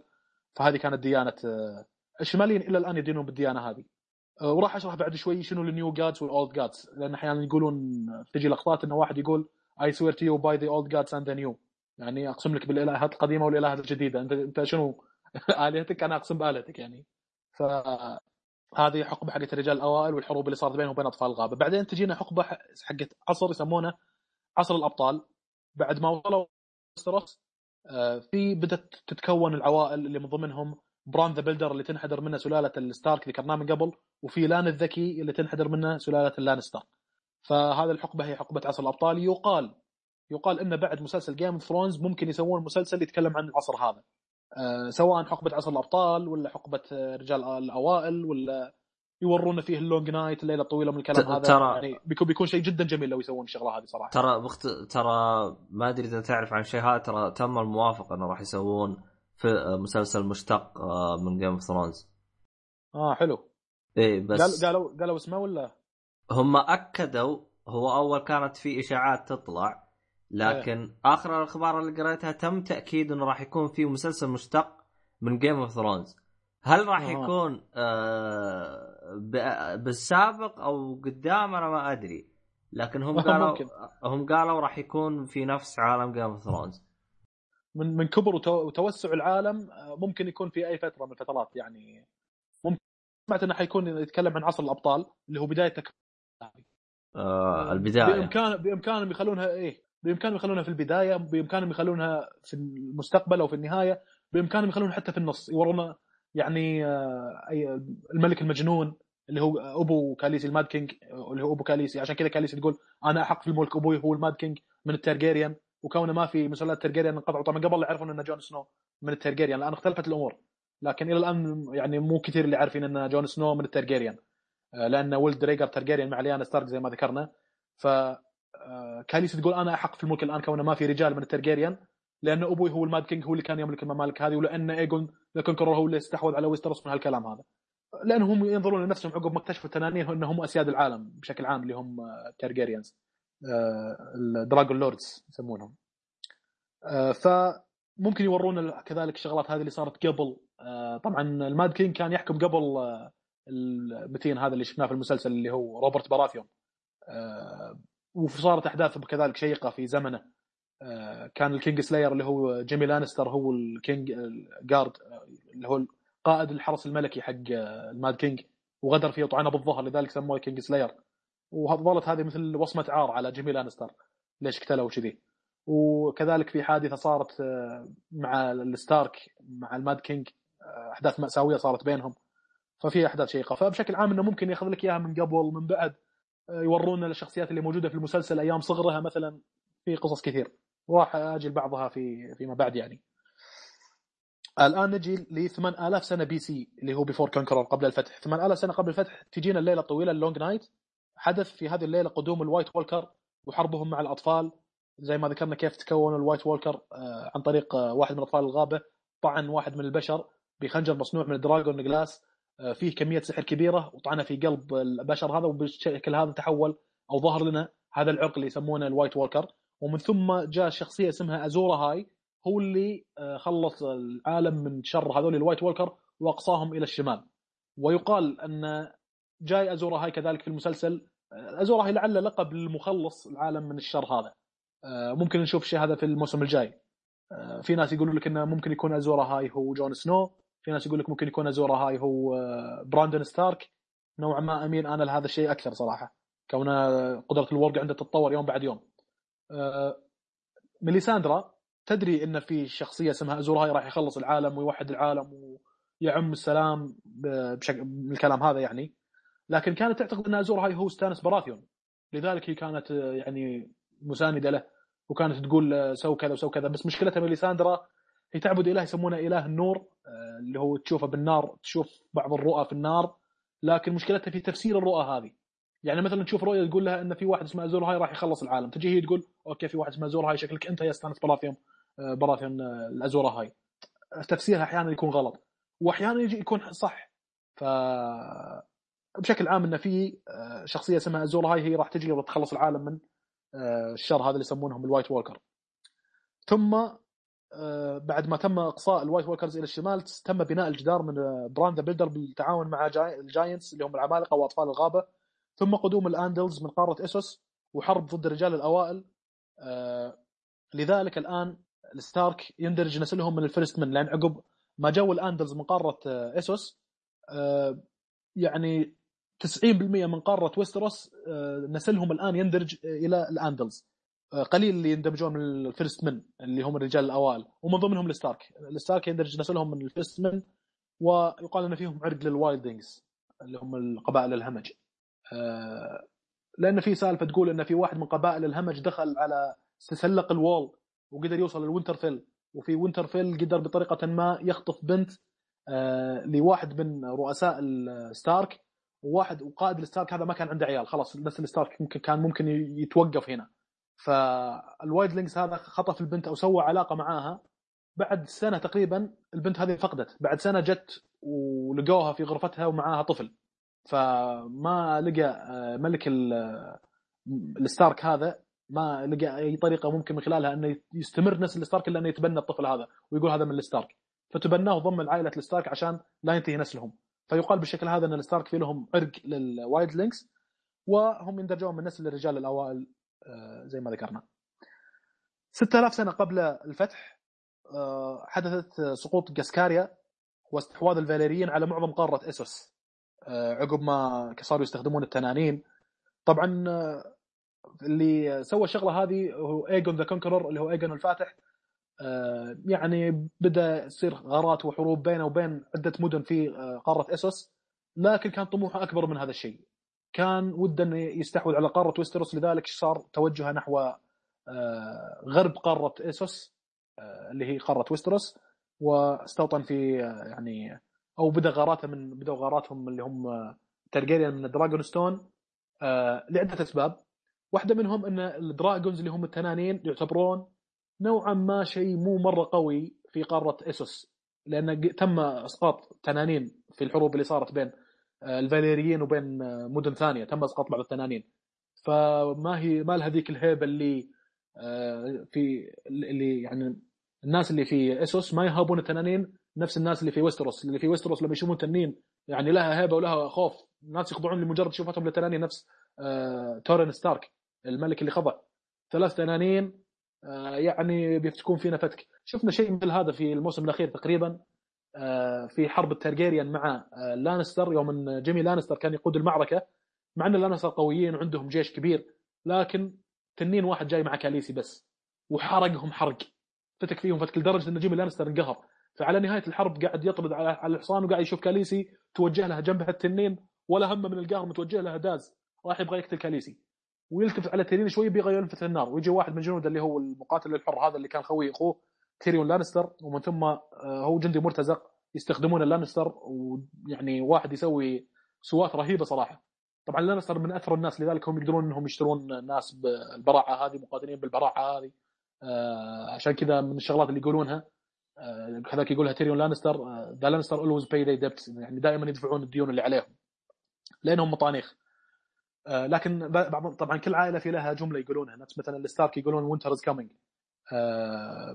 هذولي آه، بعض الناس يعتقدون إن لانستر الجملة اللي يقولونها هي the لانستر always pay their debts إن لانستر دائما يدفعون الديون اللي عليهم لكن مو هذه الجملة اللي يقولونها لانستر. الجملة حقتهم هي hear me roar اسمعني أزأر. لأن شعارهم الأسد اللي واقف على رجوله. آه، تمام. إيه. ف يعني شفنا جيمي لانستر من القهر راح يهاجم للتنين بعدين جاء هذا الجندي وأنقذه. بعدين جت لقطة قاعد هو يتكلم مع هذا اللي أنقذه اللي هو آه، القاتل المرتزق. جيمي لانستر صاف من كذا قال يا أخي هذا تنين واحد. تنين واحد سوى فينا كذا. أنت متخيل لو ثلاث تنانين قاعدين يتحاربون مع كاليسي؟ فيعني شيء كبير. لها هيبة قوية تعتبر. نوع جديد من الحيوانات أو المخلوقات. التنين هو أصلا مخلوق سحري. فنوع جديد من المخلوقات موجود في ويستروس فما يقدرون الناس اللي في ويستروس إنهم يواجهونه. عموما هذه الحقبة اللي قلنا فيها سقوط كاسكاريا. على يد الفاليريين. ثم حدثت آه، قصة مذكورة في الكتاب اللي هي رحلة نايميريا آه، قصة طويلة اختصارها آه، قصة نايميريا يسمونها رح- قصة نايميريا أو آه، رحلة العشرة آلاف سفينة. آه، الفاليريين عقب ما بدأوا يشنون غارات على المدن ويستحوذون كثير من المدن اللي في قارة آه، إسوس يضمونها تحت حكم الفاليريين. واحدة من المدن هذه اسمها نيسار كانت تحكمها آه، برنسس نايميريا وكان عندها شعب شعب ضعوف كذا لكن قبل لا يوصلوا لهم الفاليريين طلعت برحلة بالسفينة موجود لها تفاصيل هذه في الكتاب. آه، ورحلة فيها عشر آلاف سفينة وراحوا من مكان إلى مكان وتمرمطوا وبعض السفن هذه من كثر ما أنهم طولوا في البحر تكسرت وماتوا الناس آه، بعض السفن هذه نزلوا في مكان لكن هجموهم على ناس واستخدمونهم آه، كعبيد. فلانهم لعلهم نزلوا في مكان يتم فيه الاستعباد نفس ما ذكرنا يونكاي واستابور وميرين يتم فيه الاستعباد كثير. فلعلهم نزلوا في مكان مثل كذي يتم فيه الاستعباد فهجموا عليهم واستعبدوا ناس كميه كبيرة منهم. بعدين طلعت مرة ثانية من السفينة. يعني قامت تدوج فترة طويلة في البحر إلى أن استقر فيها الحال في دورن آه، فهذا الشيء أو الحادثة هذه صارت بعد سقوط كاسكاريا. آه، والحادثة الأخيرة اللي هي هجرة التارجيريان بعد حادثة فاليريا آه، وبداية الفتح. طيب الآن نجي للي قلت إني بشرح اللي هو ال old gods وال new gods ال old god ديانة أطفال الغابة اللي هي الطبيعة وما زال الشماليون يدينون بها. هذه هي ال old god زي ما ذكرت إنهم آه، يسوون يعني طريقة آه، عبادتهم أو المكان اللي يتعبدون فيه هي الأشجار اللي يتم فيها رسوم رسوم وجوه آه، على الأشجار هذه ينحتونها نحت. فهذه هي ال old god ال new gods اللي هم الآلهات السبع. the father the mother the warrior the smith the maiden the crone the stranger the father الاب ويمثل العدل والحكم. the mother الام تمثل الرحمة والشفقة. the warrior يمثل الشجاعة والفروسية اللي هو المقاتل. the smith اللي هو الحداد يمثل الإبداع والصناعة. the maiden اللي هي العذراء تمثل آه، الجمال والعفة. the crone اللي هي العجوز تمثل الحكمة والوقار. the stranger يمثل الموت وقليل ما يتم الصلاة لهذا الإله يعني. آه، هذه ال old ولا new هذه؟ هذه ال new هذه الديانه سووها الاندلز عقب ما غزوا آه، من غرب قارة اسوس توجهوا إلى قارة ويستروس وصارت حرب كذلك بينهم مثل ما صارت حرب بين الرجال الأوائل وأطفال الغابة وبعدين انتهت بالهدنة في god of eye اللي هي عين الإله. الاندل سووا نفس الشيء سووا شنوا غارة وهجموا على قارة ويستروس وصارت حرب بينهم وبين أطفال الغابة. أطفال الغابة يدينون بالديانة القديمة اللي هي حقت الطبيعة والاندلز اللي جاية من الأندلس اللي ذكرنا يمكن جاي إسقاطها جاي من مكان واقع أو شيء آه هذولي آه هم اللي جابوا الديانة الجديدة لقارة ويستروس اللي هي ديانة السبع ال seven gods يعني آه جاية من الاندلز ننتقل الآن للتارجيريان التارجيريان أصلا شعب فقير في إسس وكانوا رعاة أغنام زي ما ذكرنا حتى اكتشفوا مخلوقات كبيرة تنفث النار اللي هم التنانين في منطقة اسمها the 14 flames. كانت المملكة الكسكارية هي المسيطرة على قارة إسس والكسكاريين يعبدون آلهة اسمها the harpy. آه قائد الترجيريان آنذاك هو اينر ترجيريان وعنده بنت اسمها دينيس يسمونها دينيس the dreamer. آه هذه شنو أهميتها في السالفة؟ إن نشوف آه، يعني يعني شجرة مصغرة جدا اللي هم اجداد عائلة الترجيريان في عندنا إينر متزوج زوجة ما هي معروفة مكتوب unknown wife واحد اسمه إينر متزوج زوجة غير معروفة عندهم جيمون وعندهم دينيس the dreamer اللي ذكرناها سالفة هذه دينيس the dreamer؟ هذه تنبأت هي تحلم وحلومها كثير من الأحيان تجي يعني صحيح تتحقق. فهذه تنبأت بسقوط حضارة فاليريا. قالت لهم راح تصير كارثة في فاليريا وراح يصير دمار فلازم اننا إيش نلاحق عمرنا وننحاش آه، اللي هي دينيس بنت إينر. فلذلك يسمونها دينيس the dreamer لأنها تتنبأ وتنبؤاتها يعني تتحقق في كثير من الأحيان فيعتمدون عليها في الشغلة هذه. فإينر اللي هو أبو دينيس هذه دينيس the dreamer هاجر مع فاليريا مع خمس تنانين إلى دراجون ستون وبعد 14 سنة حدثت كارثة فاليريا. تحققت الحلم اللي شافته دينيس the dreamer. آه الخمس تنانين هذولي اللي طلعوا أربعة منهم ماتوا. اللي طلعوا مع أينر طلعوا مع اللي هم أجداد الترجيريان أربعة منهم ماتوا ما بقى إلا واحد اللي هو باليريون the black dread يسمونه. تنين كبير. آه، هو اللي بقى ما مات. لكن بعد فترة في دراجون ستون فقست بيضتين مخرجة فيجر وميراكسس آه، تنينين يعني صاروا ثلاثة عند تارجيريان وفي وقت غزو ايجون الفاتح كان ايجون the conqueror اللي هو ايجون الفاتح عنده أختين اللي هم فيسينيا ورينيس آه، فيسينيا هي الأكبر ومقاتلة محاربة ومن هالكلام آه، يعني آه، ما هي مثل جمال رينس رينس هي الأخت الصغرى. آه، وإيجون يقال انه طبعا ترجيريان معروف إنهم يتزوجون أخواتهم للحفاظ على نقاء النسل حتى إنهم يضمنون انه جيلنا راح يكون من الترجيريان من جهة الأم والأب. عرفت؟ تمام. ممكن إن هذا الشيء يورينا ليش مثلا سيرسي مسوي علاقة مع أخوها. نوعا ما أخوها ملكع وملعون خير اللي هو جيمي لانستر. لكن هي أحيانا في لقطات تجي ترى مثل اللي ما ودها لكن هي عندها انتماء وغيرة وحسد وحيل يعني حابة عائلتها وعيالها ومن هالكلام ونسلها لدرجة إنها ما عندها مشكلة تسوي علاقة مثل كذا عشان يكونون عيالها من نسل اللانستر.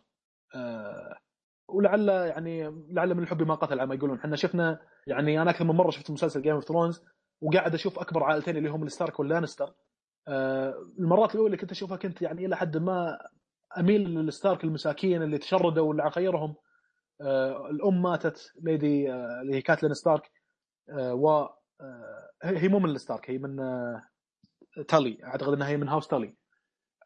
المهم إنها كاتلين اسمها. وشفنا أبو ولدها الكبير روب ستارك ماتوا في ال Red Wedding.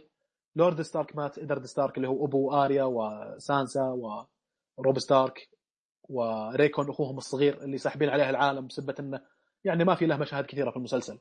آه فالمرات الأولى اللي شفت فيها المسلسل حسيت إنه إيش إنه يعني أميل للستارك أكثر لكن يعني حسيت إنه في المرة الأخيرة اللي شفت فيها المسلسل يا أخي it's not that bad ترى سيرسي فقدت عيالها الثلاث. فقدت عيال اثنين اثنين مسمومين وواحد انتحر اللي هم جوفري وبنتها. والله جوفري وبنتها ماتوا مسمومين. والثالث البزر هذاك قط نفسه وانتحر عقب ما صارت صارت مأساة يعني صارت مشاكل في آه، المملكة اللي هو يملكها فما أدري ليش انتحر يعني. لكن anyway ثلاثة ماتوا من عيال سيرسي it's not that bad الكفه متوازنة يعني على ما ممكن ننظر ان الكفه متوازنة. الستارك okay عندهم سانسا عندهم آريا. جون سنو آه، يعني بطريقة أو بأخرى ممكن نعتبره من الستارك آه، يعني يعني بغض النظر عن يوم قالوا لنا إنه هو شفناه إنه يحارب يحاول إنه يخلص وينترفيل من البولتن مثلا. بالشكل هذا هو قاعد يقاتل صالح الستارك آه، بعدها صارت آه، سانسا king of the north ملكة الشمال. آه، ف يعني صحيح انه صارت لهم أحداث مأساوية ريكون مات موتة مأساوية. يعني شفنا مثلا جون سنو يوم إنه في حرب حرب the two bastards واحدة من أفضل الحلقات. آه، أكشن جامد صار في الحلقة هذيك. آه، حرب رمزي مع جون سنو. the war two bastards يعني سانسا كانت تقول لجون سنو ترى هذا مريض رمزي. قال لها لا معلش إحنا راح نقدر نروح وإن شاء الله نحرر وينترفيل من ضمنها لحكمنا كستارك ومن هالكلام. قالت له صدقني ما يكفي الجيش اللي إحنا فيه ومن هالكلام. ركب راسه جون سنو مع أن جون سنو قوي. هو أتوقع انه ركب راسه لأنه يعتقد أن إحنا قاعد نتقاتل ونتقادح مع ال wildlings هذول الهمج القويين. يعني شنو الشيء السيء؟ يعني صارت حروب من قبل أن جيش صغير قدر يتغلب على جيش كبير. فممكن أن إحنا إذا قاتلنا ببسالة خاصة أن إحنا أقوياء وبيننا وبين الشمال وبيننا وبين ال wildlings مقادح. فهذول ما راح يكونون اسوء من ال wildlings يعني. ركب راسه وراح وشفنا مجزرة صارت حوطوهم شيء يعور القلب صراحة في المعركة هذيك the war two bastards وتحس أنفاس الناس جون سنو تحس إنه اختنق وهو يسكون عليه جنوده آه، في المعركة هذيك. وبعدين شفنا كيف حوطوهم وكانوا يطعنونهم في الرماح قبل لا يتدخلون سانسا مع آه، لورد بيلش وينقذون الموقف. عقب ما تتنفس كذا عقب ما شفنا سانسا وجت معاهم آه، house إيرن.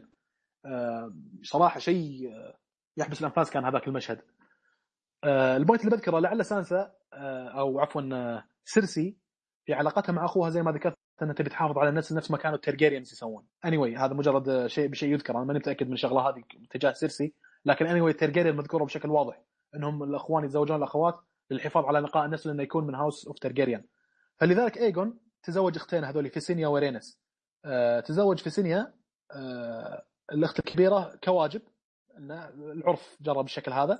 ورينيس من باب إنه هي الأخت الصغرى ال- يقال إنها على قدر من الجمال يعني آه، فمن باب رغبة وتزوجها. وعندهم كذلك اللي ساعدهم في آه، فترة الفتح آه، أخوهم من الأب اسمه أورس لكن هذا bastard لابو ايجون يعني ما يعني أخوهم من الأب ما هو أخوهم من أم وابو. آه، الآن بشكل عام يعني أنا إحنا على وشك نخلص لكن نشوف بشكل عام يعني بعض التفرعات في آه، هذول اللي بدوا يملكون the Seven Kingdom الممالك السبع. طبعا في قصة طويلة للفتح لأن كيف قدر يخضع آه، الشمال كيف قدر يخضع the Reach كيف قدر يخضع the Dorne اللي هم في الجنوب. كيف قدر يخضع آه، مثلا آه، الممالك اللي كانت أو العوائل اللي كانت تحكم وستروس بشكل عام. هذه في لها تفاصيل كثيرة وحروب صارت كثيرة بين ايجون وبينهم. زي ما ذكرنا إذا كانت في ردود أفعال يعني الناس مستمتعين في الحلقة وكذا ممكن نسوي حلقة ثانية نفصل فيها في آه، حادثه الفتح. وفي الملوك الأوائل اللي جو على آه، حكم ال Seven Kingdom. ايجون ايجون the Conqueror اللي هو ايجون الفاتح زي ما قلنا متزوج فيسينيا ورينس. مع فيسينيا جابوا واحد اسمه ميجر ومع رينس جابوا واحد اسمه إينس. فايجون متزوج رينس وجابوا اينس آه اللي هو الابن الأول لايجون والملك الثاني لل Seven Kingdom. ليه؟ منو الملك الأول؟ ايجون ايجون الفاتح نفسه صار هو الملك الأول. بعدين ابنه اينس من زوجته رينس آه صار هو الم- الملك الثاني لل Seven Kingdom. بينما ايجون مع فيسينيا جابوا واحد اسمه ميجر اسمه ميجر the Cruel ميجر القاسي. هذا واحد يقول لك ترجيريان في سلالتهم بتشوف أكثر من ملك مهبل. مو بس the Mad King. the Mad King لعله في عرق الاهبال هذا وعرق الجنون آه، اللي جاية من اجداده يعني. أكثر من واحد صار مجنون. واحد منهم آه، ميجر the Cruel هذا اللي كان يتزوج بنته ما أو زوجته ما تجيب له ابن فيقتلها. يشك بواحد يقتله. لذلك سموه the Cruel القاسي آه، اللي هو الابن الثاني لايجون والملك الثالث لل Seven Kingdom. إذا الملك الأول هو ايجون اللي هو ايجون الفاتح. بعد ابنه إينس. بعد ابنه ميجر الحكم الح- الحاكم الثالث لل Seven Kingdom وتتوالى يعني هم في حكام كثير. آه، يعني مثلا ايجون على فكرة يسمونه ايجون the First يعني معناته إنه في ايجون الثاني. آه هو الآن ال Mad King آه، الرابع ولا ال Mad King في سلالة طويلة عشان جاء؟ لا لا سلالة طويلة. آه. إي سلالة طويلة إيش أقول لك؟ ثمان أجيال. يمكن في ثمان. أجيال كذا من الملوك تتس- تتسلسل يا الله جو لل Mad King. اللي هو أبو كاليسي و آه، فيسيريس أخوها وريجر تارجيريان. آه، طيب الآن بذكر آه، يعني سالفتين يورونا فيها آه، فروق ما بين الرواية و آه، ما بين الكتاب وال show المسلسل. سالفة آريا. آريا في الكتاب هي warg يعني مثل بران تقدر تدخل في المخلوقات. ويقال إن الستار كلهم warg في الكتاب. فآريا آه، مع آه، الذيب حقتها اللي طردتها في الموسم الأول على ما أعتقد اسمها نايميريا فشفنا إن سحبوا على الذيبة هذه في المسلسل.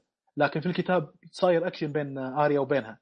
آريا حلمت كثير في الذيبة حقتها هذه. ويقال إنها دخلت آريا سوت warg ودخلت في الذيبة هذه وراحت النهر نفس النهر اللي قطوا فيه جثة أمها آه، كاتلن آه، بعد ال Red Wedding البولتن قطوا جثه أمها في آه، أو house of Frey مهما كان المهم إنه قطوا جثة أمها في النهر هذا فراحت آه، آريا عقب ما سوت warg في الذيب وسحبت أمها من النهر طلعتها وقاعده تشوف أمها وهي ميتة. هذا يوريك حجم المعاناة اللي عانتها آريا. فهذا من الشغلات اللي ما ورونا في آه، المسلسل. سالفه آه، ثانية. ماني مقاطعك بس ال- الهرجه اللي أنت تقولها قبل لا تروح آه، عند النوفي آه، نوفيس؟ أه والله ما أذكر بالضبط. هذا هذا لأنها موجودة في الرواية الثانية ما هي في الكتاب هذا على فكرة. هذا المعلومة أنا أخذتها من آه، واحد في اليوتيوب. إيه إيه، فالوضع ف- مشربك شويتين. طيب. الوضع مشربك شويتين. هل قبل ولا بعد؟ آه، ما أقدر أعطيك جواب قاطع في الشيء هذا. لكن آه، بس, ب- ب- ب- بس أعتقد بعد لأن هي راحت عند اللي هو نوفيس بعد ال wedding إيه، ممكن. ممكن أصلا هذا الشيء خلاها شحنها أكثر. انها شافت أمها ميتة فشحنها أكثر لأنها تنتقم فبدت فراحت للمعبد هذا عشان تتعلم الشغله هذه عشان تساعدها في إنها تنتقم. آه، يعني آريا من الناس آه، تشوفها في كذا شخصية لا قال شيء إنه لازم تعيره اهتمام. مو قاعد يقول كلام كذا يعني يعني مثلا كانت تقول أسماء الشخ... الشخصيات اللي هي تبغى تقتلها آريا. إيه آه، قبل قبل لا تنام كل كل. مرة. اي تقول أساميهم. آه، ففعلا قدرت إنها في صور الآن. تشوف حق آريا كاتبة مكتوبة أسماء الشخصيات اللي هذا. مشطبه شو أقول لك؟ آه، أربع شخصيات يمكن باقي شخصية واحدة اللي ما انتقمت منها. آه، كذلك سيرسي من من الناس اللي إذا قالت شيء لازم إنك إيش تحذره. يعني مثلا من الشغلات اللي قالتها عقب ما مسكوها في حاد سالفة walk of shame إنها على علاقة مع أخوها ودلت ذل في الحادثه هذيك. لكن يوم مسكتها مسكتها واحدة من الناس اللي آه، ينتمون أعتقد السبارو اللي هو المق... اللي متدينين وما يبون الناس يسوون معاصي ومن هالكلام. فمسكوها وقطوها وجتها واحدة ماسكة زي الموية وعقب ما عطشوها وقاعد تقول لها اعترفي بذنبك. اعترفي إنك علاقة مع أخوك وانت ندمان ومن هالكلام. سيسي قاعد تطالع قالت لها راح تندمين على الشيء اللي أنت قاعد تسوينه هذا. إيه. كبه ماي في الأرض كذا قاعد تعذبها أنت عطشانة ولا راح تشربين الماي هذا. فطلعت كذا كذا قالت لها آخر شيء راح تشوفينه قبل لا تموتين هو وجهي. قاعد تقول لهذا المتدينة. اللي مسويه ملايه على سيرسي. فهذيك صار سقطت ما اهتمت للسالفة ذي وعذبوها وصار الورك اوف شيم بعد فترة نشوف سيرسي تنتقم من الحادثة هذه. وفعلا هذيك آخر وجه شافته هو سيرسي. ف يعني شيء صراحة هي سيرسي من الشخصيات اللي يقال إنها تعتقد إنها ذكية يعني في كثير من الحالات. لأنها باعتقاد إنها ذكية أحيانا تتصرف تصرف يعني يورطها وحبها زيا- زايد لعيالها أحيانا يجيب فيها العيد. زي ما شفنا تحب عيالها حيل هي لدرجة ان ثلاثتهم ماتوا ومن الحب ما قتل على ما يقولون. آه كذلك من أوه. الشخصيات آه إيه تقول شيء؟ ر- رغم إنها يعني زي ما تقول من حب ما قتل بس أعتقد جتها ساحرة وقالت لها إنها ترى راح يموت عيالك. صحيح. بس هذا ما أدري اخاف أقول اخاف يطلع فيه حرق أو شيء. لأن قالت لها كذلك شغلات آه، ثانية انه كيف هي راح آه، خ- خلنا خلنا ما بذكر السالفه على أساس لا إني أحرق لكن آه، فعلا أحيانا تنبؤات الساحرات تتحقق وهذا يجيبني للنقطة الثالثة أو للشخصية الثالثة. أنا قلت في ناس إذا قالوا شيء المفروض إنك تعير اهتمام. واحدة منهم آريا واحدة منهم سيرسي. الثالثة ميليساندرا. ميليساندرا مع ستانس براثيون آه، so في لقطة حطت مثل الدود عليه آه، شفط الدم هذا الدود قاعد تسوي ظاهر شغلات سحرية. بعدين قطت ثلاث دودات في النار وقالت أسماء ثلاث شخصيات. آه، شخصيتين من الشخصيات هذه ماتوا. واحد منهم روب ستارك. أنا ناسي الشخصيات الثانية لكن قاعد شيء النبوه اللي هي شافتها صارت. لكن هذا ما ما يمنع ان تحديدا آه، ميليساندر انها أحيانا تفهم أو تفسر آه، الرؤى اللي تشوفها من إله النور تفسرها غلط يعني يحدث شيء هذا. المهم قلنا السالفة الأولى اللي فرق بين الكتاب والرواية آه، عفوا فرق بين الرواية وال show. إن آريا warg وإنها صارت لها إنها طلعت أمها منها كلام. السالفة الثانية سالفة تايشا مع تيريون لانستر. وهذه السالفة صراحة شوي تقهر يوم عرفتها قلت يا أخي صدق أحيانا تسوى تسوى إنك تروح تقرأ الكتاب حتى إنك تشوف شنو الفروق اللي موجودة. ثواني مين هي تايشا؟ آه، جايك الحين بالسالفة. تيريون لانستر يوم إنه في سن المراهقة خلينا نقول عمره 18 سنة 17 سنة. حلو؟ تيريون إيه. لانستر اللي هو القزم. تمام. مع أخوه مع أخوه جيمي لانستر الأشقر. كانوا في يوم من الأيام قاعدين يتمشون. سمعوا صراخ وحده برج. راحوا هالوحده الظاهر يعتدون عليها جنود؟ فراح جيمي لانستر يتفاهم مع الجنود هذول يقاتلهم من هالكلام. بينما تيريون لانستر راح للبنت هذه هذه لعلها هي تايشا آه انقذها أنقذوها هو مع أخوه من هالكلام. صارت علاقة غرامية بين تايشا وبين آه تيريون. آه فحبها من هالكلام وتزوجها بالسر يقال آه لأنه ما يبغى أبوه يدري. يدري أن تايوان لانستر إذا درى عن السالفة هذه راح يعارض اللي هو أبو جيمي وتيريون. فطبعا آه، تايوان اللي هو صار hand of the king أيام ملك جوفري جوفري عينه مساعد الملك. المهم فراح يعارض عشان كذا تزوجها بالسر. بعد ما درى اللي هو تايوان لانستر بالسالفة هذه قال لجيمي قال له شوف أبغاك تاخذ ناس ويروحون يغتصبون تايشا وأبيك تشوف تاخذ تيريون تخليه يشوفها عشان يعرف إن هذه بائعة هوى. عرفت؟ تمام. وفعلا صار شيء هذا. جيمي لانستر راح جاب ناس خلاهم آه، يعني آه، يسوون علاقة مع هذه اللي هي تايشا وراح لأخوه قال له تعال خل أوريك آه، هذه اللي أنت قاعد تسوي علاقة حب معاهم مدري شنو تعال شوف راح وشافها وانصدم. قال شفت هذه بائعه هوى هذه ما تحبك ولا شيء أنت قاعد العلاقة اللي سويتها معك تسويها مع أي واحد يعني. طاير بالعجة وعايش لي غراميات من هالكلام. عشان كذا من هنا يقول لك من الحادثة هذه انبنت شخصية تيريون عشان كذا نشوفه يروح الأماكن هذه خلاص شنو احب ما احب خلاص أسوي علاقة وبربس بحياتك من هالكلام. فعشان كذا تشوف يروح كثير لل brothels اللي هي بيوت الدعارة من هالكلام في المسلسل. طيب نجي الآن للمسلسل. في مشهد عقب ما اتهم تيريون لانستر في انه قتل الملك جوفري بالسم آه انحط بالسجن. وجو شخصيات كثيرة اللي آه، زاروا تيريون. ومن الشخصيات اللي زاروا أخوه جيمي. وصار بينهم سوالف وكلام من هالكلام. وبعدين يعني صار عناق بينهم إنه أخوي خلاص بودعك من هالكلام وجيمي ضبط النحشة حقت تيريون على أساس إنه ينحاش مع لورد فاريس ومن هالكلام. آه، بس هذا اللي صار في المسلسل. لكن في الكتاب من ضمن الحوار اللي صار ان جيمي قال له شوف دام إني وداع أخير هذا يمكن ما أشوفك مرة ثانية ابى اعترف لك اعتراف. قال له شنو؟ قال له تخبر تايشا هذيك اللي صارت علاقة بينك وبينها. ترى هذا كان سيناريو مدبر من آه، الوالد مدبر من آه، تايوان. حتى إنه يكرهك في آه، تايشا ولا ترى البنت تحبك ولا هي بائعه هوى. هنا يقول لك تيريون لانستر انفجر من القهر اللي فيه. آه، يعني آه، يقول لك من كثرة الغضب اللي فيه قام يكذب. قال اي أنا اللي قتلت جوفري. أنا اللي قتلت جوفري وعلى فكرة هذه أختنا سيرسي على علاقات ثانية مو بس وياك. قام يألف كذبات عشوائية آه، من القهر اللي حسه. وهذا القهر اللي خلاه يطلع ويروح ويقتل أبوه تايوان لانستر. شوف الحبكة كيف في القصة هنا. في المسلسل شفناه يطلع يقتل أبوه لأن أبوه حكم عليه بالقصاص لأنه اتهم في إنه قتل جوفري. أه ما أدري على ثقافة و... طبعا أو على قدر من الثقافة والعلم اللي هو تيريون لانستر تشوفه يقود معارك أحيانا. آه، هو مشكلته إنه قصير وقزم ومشوه شوي هذا الشيء اللي خلاه ما ما يصير knight ما يصير فارس.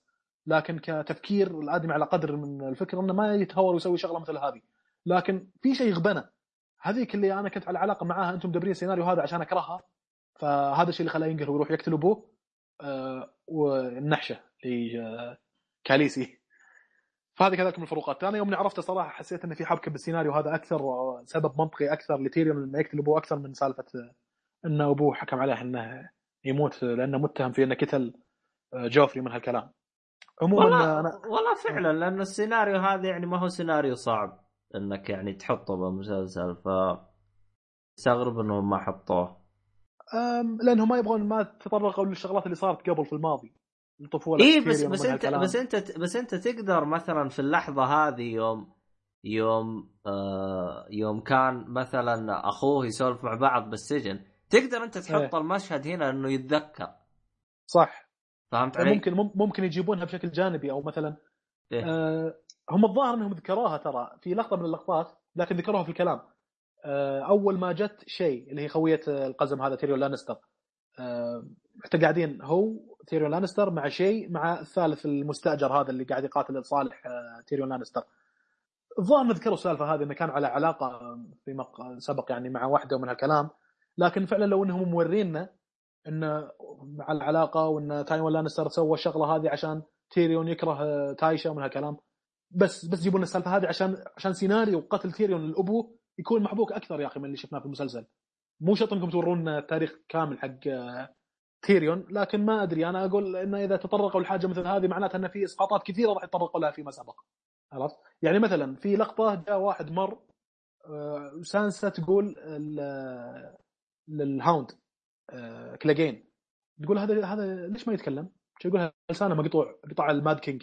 هذه في لها سالفة. إذا بيورونا السالفة اللي صارت في الماضي هذا اللي قطع لسانه وسالفة تيريون ليش ليش يعني قتل ابوه في سوالف كثيرة راح يسوون لنا استرجاع للماضي وهذا راح ياخذ وقت طويل.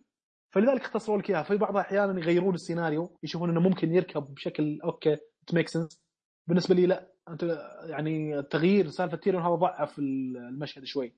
آه، وفي بعض الشغلات لا مجرد إنهم يذكرون إنها صارت شيء هذا في الماضي وخلاص يذكرونه في الكلام يعني ما يورونك المشهد. آه، ما- هو شوف يعني كلامك صحيح إنه هم ممكن عشان ما يبغوا ي... ما يبغوا يعطوك هرجة كل حاجة يذبوها وكل حاجة يطشوها لكن أتفق معاك إنه هذه اللقطة كانت المفروض إنهم يجيبوها لأنها كانت مهمة لأنه لها أحداث قدام تصير يعني. يعني في سبب الآن سواه آه تا آه تاي تايلر صح؟ تايلر وش اسمه؟ القزم القزم إيه. تيريون تيريون في سبب إيه. الآن تيريون سواه بالحدث اللي بعده مرتبط ارتباط تام بهذا الشيء يعني مثلا يعني أنت يوم تتكلم هذا ليش ما يتكلم لأنه. ما كان قطع لسانه ما أعتقد إنه تحتاج إنك ترجعني تعطيني هرجة بالضبط لأنها ما راح تهمني بالمستقبل إيه. أنا لو مثلا أبغى أعرفها ممكن أرجع كتاب وأقرأ ليش قطع لسانه فهمت علي؟ آه،. هذه وجهة نظري فما أدري والله والله ما أدري هو لأن أحداث كثيرة صارت في الماضي فما أدري كمية الأحداث هذه. إذا ما هي كثيرة أنا أتفق معك. إذا أحداث بالذات أحداث شغلات مثل هذه اللي ممكن تضعف السيناريو أنت لو غيرت لي فيه. أنا أتفق معك إنه يا أخي ورونا إيش اللي صار في الماضي؟ اللي سالفة تايشا مع تيريون. آه، لأنها سالفة شيقة وكذا وتورينا سبب منطقي أكثر إنه يقتل ابوه. آه، نفس ما وريتونا انه مثلا كيف أول واحد من ال White Walker تكون. نفس ما. وريتونا ريجار تارجيريان مع ليانا ستارك. رجع في هذا وريتونا لقطه بس تورينا العلاقة بين هذول الاثنين. وخلاص آه، شفناها كلقطة يعني مو ككلام أو إيه. آه، تغيرون لنا شوي بالسيناريو. بس يدوب ف- حقت لمحات كذا عشان بس آه، تفهم الهرجة.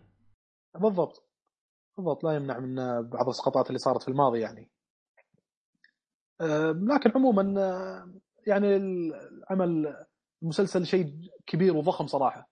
يعني صحيح زي ما ذكرت في البداية إن جورج آر مارتن إنه في أفكار في باله. لما نفس ما صار في Twilight Zone في أحد الأعمال اللي هو سواها من قبل آه، بسبة إنه صارت تترجم العمل أو الأفكار اللي في باله إلى مسلسل هذا الشيء ضعف الأفكار اللي في باله لأنه كتبها على ورق بشكل قوي okay ما جت 100% نفس اللي في باله لكن آه، كرواية يقدر إنه يبحر في خياله. آه، ولما سواها كمسلسل شالوا بعض الشغلات هذا شيء حوم كبدة من في منتجين حوم كبدة من المنتجين في لوس انجلوس فقال أوكي أنا على كذا أنا راح أتجه لعالم الرواية حتى اني أقدر أستخدم يعني قدراتي في آه، آه، الخيال في كذا. فقال بسوي عمل فيه مئات الشخصيات معقد فيه عوائل فيه مخلوقات. آه، ترى تشوف مثلا في العمالقة في ال White Walkers ال White Walkers معاهم عناكب كبيرة. ما شفناها تقريبا في المسلسل. دببة حيوانات يقومونهم يستخدمونهم معاهم. في التنانين في البشر. في سحرة شغلات كثيرة جدا يعني في المسلسل هذا. فعالم معقد يعني. هذا الشيء اللي خلى آه، جورج آر مارتن يتوجه يعني لعالم الرواية. لكن هذا ما يخلي مثلا المسلسل صراحة ضعيف. لا صراحة مسلسل قوي رهيب. أنا ما أدري إلى أي درجة هو يعني يوصل لطموح جورج آر مارتن. هل هذه أفكار أنت مقتنع منها؟ ما أدري. لكنه إلى حد ما أنا أشوف إنه عاجبه يعني المسلسل. هو ترى في كل موسم يكتب حلقة. ما عدا على ما في الموسم الخامس. آه، انشغل في انه يكتب آه، حلقة من الموسم. ف هذا يوريك إنه خلاص ما عنده مشكلة. إلى حد ما المسلسل اللي قاعد نشوفه يرتقي لخيال وطموح آه، الكاتب. مع إنه أحيانا يعني في شوية زلات يعني مثلا في آه، ال dragon يوم إنه دخل وأنقذ كاليسي من Sons of Harpies أبناء هاربي اللي جو من كاسكاريا. آه، ال CG هناك كان شوية ركيك يعني. في أغلب الناس كانوا يتكلمون عن اللقطة هذيك إنها مش ولا بد يعني. والله إذا جيت على ال CG يا أخي أنا بالنسبة لي ال CG أنا دائما ما أتكلم عنه لأنه يحتاج فلوس. آه، آه. لا يعني آه. هو Game of Thrones يعني في كثير من الأحيان انعمل بشكل جيد يعني. آه، مثلا في معركه ال two bastards كان رهيب. ما تدري وين أصلا ال CG كان مستخدم. آه، يعني كان منعم بشكل رهيب. في آه، كثير من مشاهد التنانين مقبول خلينا نقول. لكن في المشهد هذاك تحديدا كان شوي ضعيف يعني. أنا أقول إيش دعوة؟ ليش انعمل بالشكل هذا؟ لأن التنين كان يطير في مدرج. ركبت على كاليسي طار ويحد التنين مدرج. هذا الشيء اللي خلاه يواجهون شوي مشكلة في الإخراج. لكن بشكل عام مرة ثانية أن اوفرول العمل كاخراجيا كان شيء كبير جدا صراحة. آه، ممتع. آه، يعني يستحق المشاهدة يعني. يستحق المشاهدة والبحث. كثير من الناس يمكن لما يشوفونه هذا الشيء صار معي وذكرته من قبل آه، بسبب إنك تضيع بالشخصيات الكثيرة يمكن ما راح يعجبك المسلسل. لكن إذا ثبت الأحداث ثبت الشخصيات هاوس اوف ستارك هاوس لانستر تارجيريان البراثيون فيما بعد يجون لك البولتن تالي المارتيل إذا ثبت العوائل هذه والشخصيات اللي فيها أنت حتستمتع بالمسلسل. يعني بالنسبة للمسلسل ادناه الدون عشان تستمتع فيه تحتاج آه، تعرف العوائل هذه آه، لكن إذا تبغى تروح للكتاب لا تحتاج إنك كذلك تتطرق للشارتات تتطرق للخرائط لأن في الكتاب يتكلم لك مثلا عن في آه، أميرة اسمها princess نيميريا هي ملكة نيسار وهذه طارت مع 10000 سف أو رحلت مع 10000 سفينة في رحلة وما شنو نيسار هذه وين موجودة طيب؟ تروح ترجع تراجع لما يقولوا لك عن المدن السبع الحرة أو المدن التسع الحرة هذه وين موجودة؟ لما تشوف على الخريطة okay هي أنا واضحة قدامي آه، نهر الراين اللي يتفرع واحد من فروعه تقع عليه مدينة كوهور واحدة من الفروع بين فرعين من فروع نهر الراين في نارفوس في مصب نهر الراين في فولانتس ومن هالكلام يعني.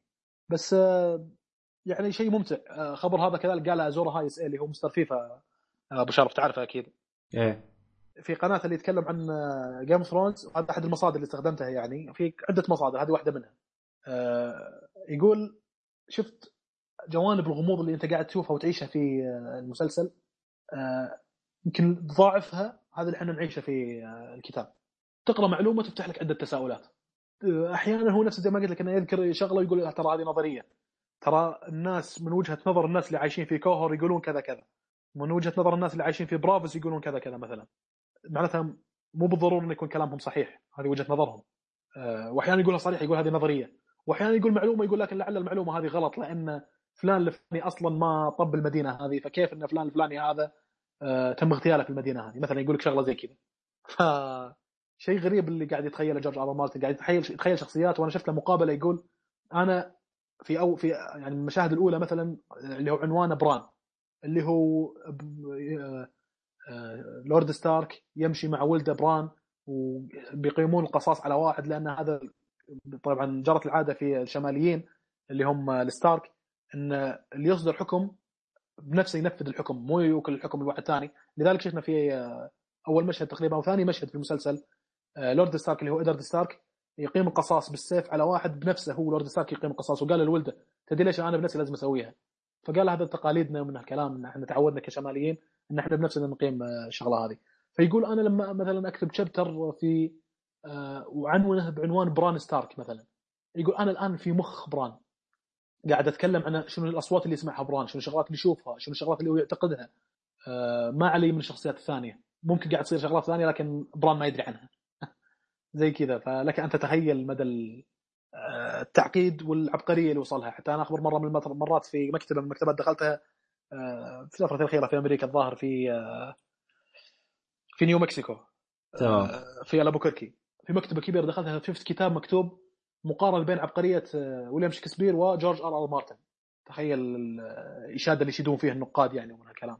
لأن آه، يوريك شخصيات بالإبداع هذا وبتفاصيل الشخصيات هذه بدون لا يصير. طبعا هو في عنده فريق عمل أنا أتوقع صعب جدا في مسلسل زي Game of Thrones تكون فيه آه، حبكة درامية بالشكل هذا بدون لا يكون في معاه فريق عمل قاعد يتابع الشخصيات كل شخصية إيش صار عليها ومن هالكلام. ومع ذلك أحيانا في تجيك شغلاتها يعني ممكن نسميها هفوات أو تحتاج إنك تمشي شوي. تحتاج يعني مثلا إي من من اللقطات مثلا انه في الموسم الأخير يوم أن آه، آه، جون سنو أرسل واحد اسمه جندري على ما أعتقد اسمه جندري أرسله حتى يوصل برقية الكاليسي أن ترى هذول يهجموا علينا ال White Walkers وقاعد يفسكون فينا ونحتاج الفزعة. المسافة الكاليسي كانت في دراجون ستون وهذول كانوا beyond the wall يعني تتكلم عن مسافة كبيرة جدا. كاليسي وصلت بنفس اليوم. يعني آه، كم يعني تحتاج كم سبعة التنين يعني ما أدري. تحتاج إنك بعض الشغلات يقول لك تمشي حتى إنها شو اسمه هذه استوقفت كثير من الناس. قالوا معقول لو وصلت بنفس اليوم منكبين هم وهجم عليهم White Walker وفجأة كذا ظهرت كاليسي على تنانين. دخلتها حلوة وعجبت الناس بالذات يوم إن دروجون نزل وبدأ ينفث النار حرق لك ال- الاولي والتالي لقطة اخراجيه حلوة وكل شيء حلو لكن كقصه كحبكة درامية ومن هالكلام. وصول آه، دروجون مع كاليسي مع فزعة كاليسي بشكل عام توصل بالسرعة هذه ما أدري يعني مستغربة شوي. آه، عموما ما أدري خلصت المعلومات حول آه، عالم الجليد والنار في أسئلة ولا تبون نختم؟ والله ما أدري والله بس صراحة يعني أنا لأني أنا شو اسمه كنت أتابع المسلسل اول بأول ما عدت ولا موسم فعشان كذا أنا بالبداية كنت ضايع. لكن الآن يعني زي ما تقول أنت يوم أعطيتني بعض بعض الأشياء نوعا ما ركبت بعض الأشياء في مخي. آه. آه بديت أسترجع الاشياء هذه حبتين شويتين لكن آه كانت طيبة. آه اللي عجبني إنك يعني أعطيتني ال ال المين اي ال النقاط الرئيسية من كل حاجة. لأنه أتذكر أنا آه كنت أسمع عن بعض التحليلات مم. كان شفت اللي يتعمق يتعمق يتعمق ويضيع طيب إيه. أهدي شويتين فهذه المشكلة آه صحيح.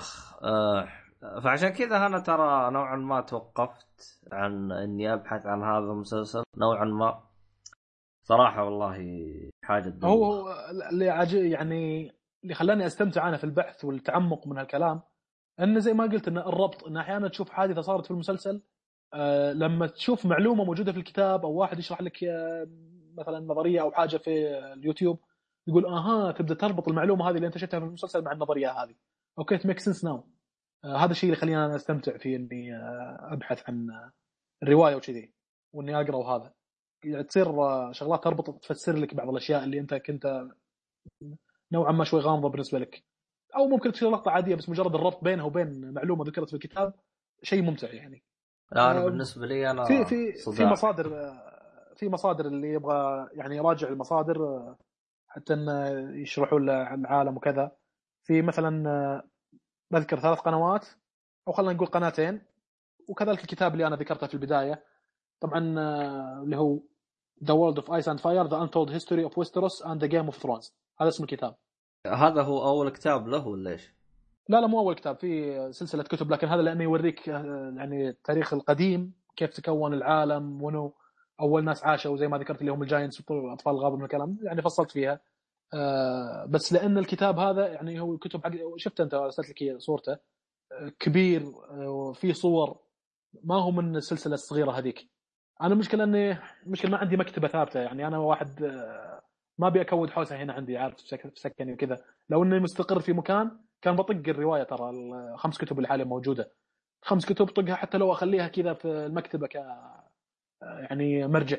at some point كذا على الفضاوة تبدأ تقراهم وكذي.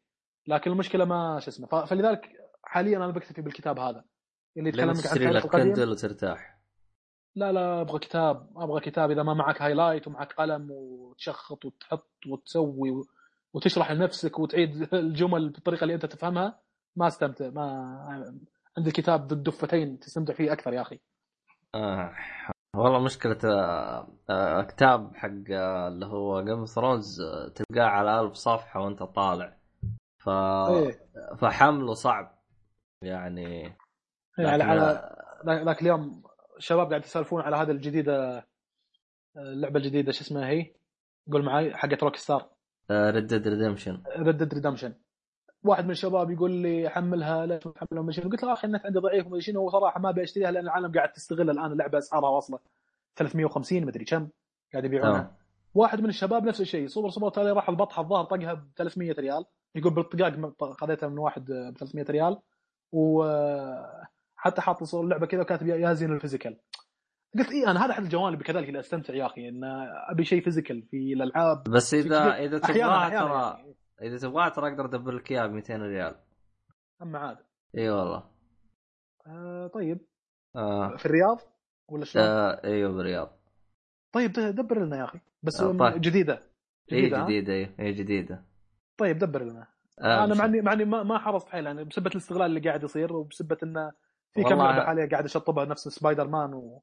والله وأنا أخوك دائما أنا دائما اي احد من الشباب اشوفه يعني يشتري اشياء غالية دائما أقول له طب ليش ما رجعت لي؟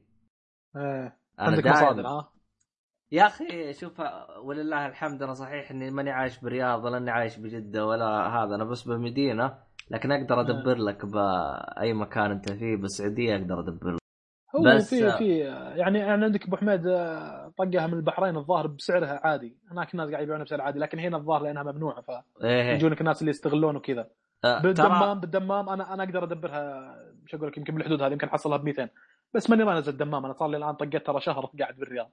ما ولا اني نازل any time soon يعني بطول هني.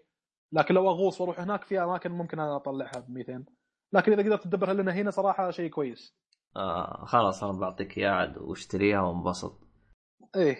آه. آه، فال point ان ان الشيء ال physical هذا الشيء اللي يخليني أنا أستمتع في بعض الأشياء بعض الأشياء زي ما ذكرت.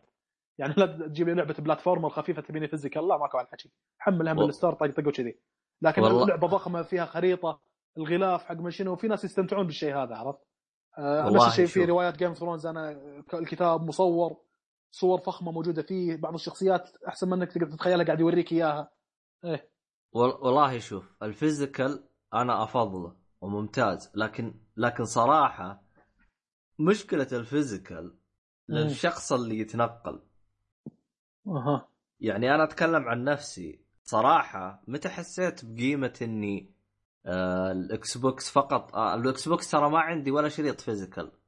بس آه. أشتري بس أشتري تحميل. متى حسيت بقيمتها؟ يوم آه. جيت أسافر آه، برا لأني زي ما أنت عارف أنت سافرت الخارج. ترى بس آه. أخذت معايا hard disk بس. وزي الحلاوة فهمت علي؟ آه hard disk حق ال Xbox يعني؟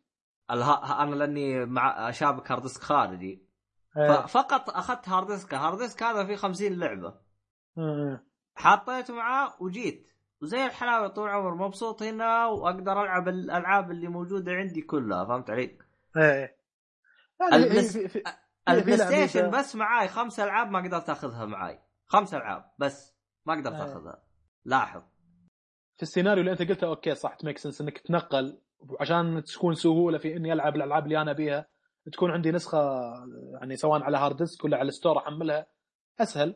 لكن آه، كذلك في مميزات ثانية في ال physical زي ما قلت لك الخرائط آه، مثلا إذا أنت تخلصت اللعبة تبي تعطيها خويك آه، شيء دارج عندنا جدا. الحين هذا سبايدر مان ترى ما ما شاريها أنا. ديترويت لعبتها ما شاريها. إيه إيه, إيه أنا. أنا عارف إنه مي... شوف Uncharted مي- Uncharted شو اسمه حقت البنتين. The Lost. Legacy الظاهر إيه ما برضه ما شاريها شفت شلون؟ قاعد هو شوف. هو هو شوف ميزة ميزة ال disk زي ما انت قلت النسخة انت تملكها آه هذا رقم واحد رقم اثنين تقدر مثلا تبيعها لأنه بعض الأشخاص يفضل. ياخذها disk لأنه بعد ما يخلصها يروح يبيعها فهمت إيه. علي؟ فيقول أنا كذا ما خسرت آه يعني ما كلفت على نفسي تكلفة واجدة فهمت علي؟ أنا بالنسبة لي أنا ما أسوي زي كذا لكني آخذ اللعبة بتخفيض يعني مثلا أنا ما أخذ اللعبة بسعرها ب 60 دولار آخذها ب 30 20 دولار دائما إيه. زي كذا إي فهمت علي؟ تقريبا أنا أسوي نفس الشخص اللي يأخذها ويبيعها لكن آه، على على على disk لكن صراحة ميزة إنه اللعبة معاك على disk يعني على الرف كذا شكلها جميل على الرف أيوة. كذا قدامك عندك صفة كذا إيه. لكن لكن إذا أنت شخص ما عندك مقر يعني ما عندك بيت تسكن فيه ما راح ما راح آه، يعجبك ال- ال- ال physical. بالضبط ال physical ما ما حيكون شيء عملي لك. وهذا السبب اللي خليني زي ما قلت لك إني ما طقيت روايات وكذي. إنه ما ماني مستقر وكذي. آه لكن آه، زي ما قلت ان وجودها عرف يعني خبر واحد من الشباب عندنا بالدوام قاعد يسولف لي على اللعبة الفلانية قلت له أوكي لعبتها. سولف كذا ما لعبتها. قال لي على مافيا. قلت له لا والله ما لعبتها. قال لي ترى حلوة تستحق إنها تلعب وكذا. قلت له والله كويس. قال لي تبي أجيب لك إياها؟ قلت له كيفك؟ بس حاليا أنا قاعد ألعب لعبة إذا بتجيب لي إياها بخيسها عندي يعني بتطول شوي. قال لي أوكي مو مشكلة بس أهم شيء رجع لي إياها لأن أنا من النوع اللي أحتفظ. عرفت آه. اللي نوع الناس اللي يبي يسوي مكتبة حقت ألعاب عنده وكذي. ففي ناس كذي يعني إنه يبي يخليه عنده شو اسمه وفي ناس اللي يبي يبيع. أنا أحيانا أسوي هالشغلة هم. ألعاب متكودة عندي ما قاعد أستخدمها. آخذ لي لعبتين ثلاث مثلا اللي تستحق إنها تنباع. راح تجيب لي سعر لأن بعض الألعاب ترى لو توديها بيقول لك قديمة هذه أخذها منك ترى ما حد راح يشتريها مني. إيه. فهو اني بيطقك بالسعر لو تجيب له لعبة قوية. وتجيب له لعبة قوية بيقول لك هذا اخذها منك ب 50 ريال.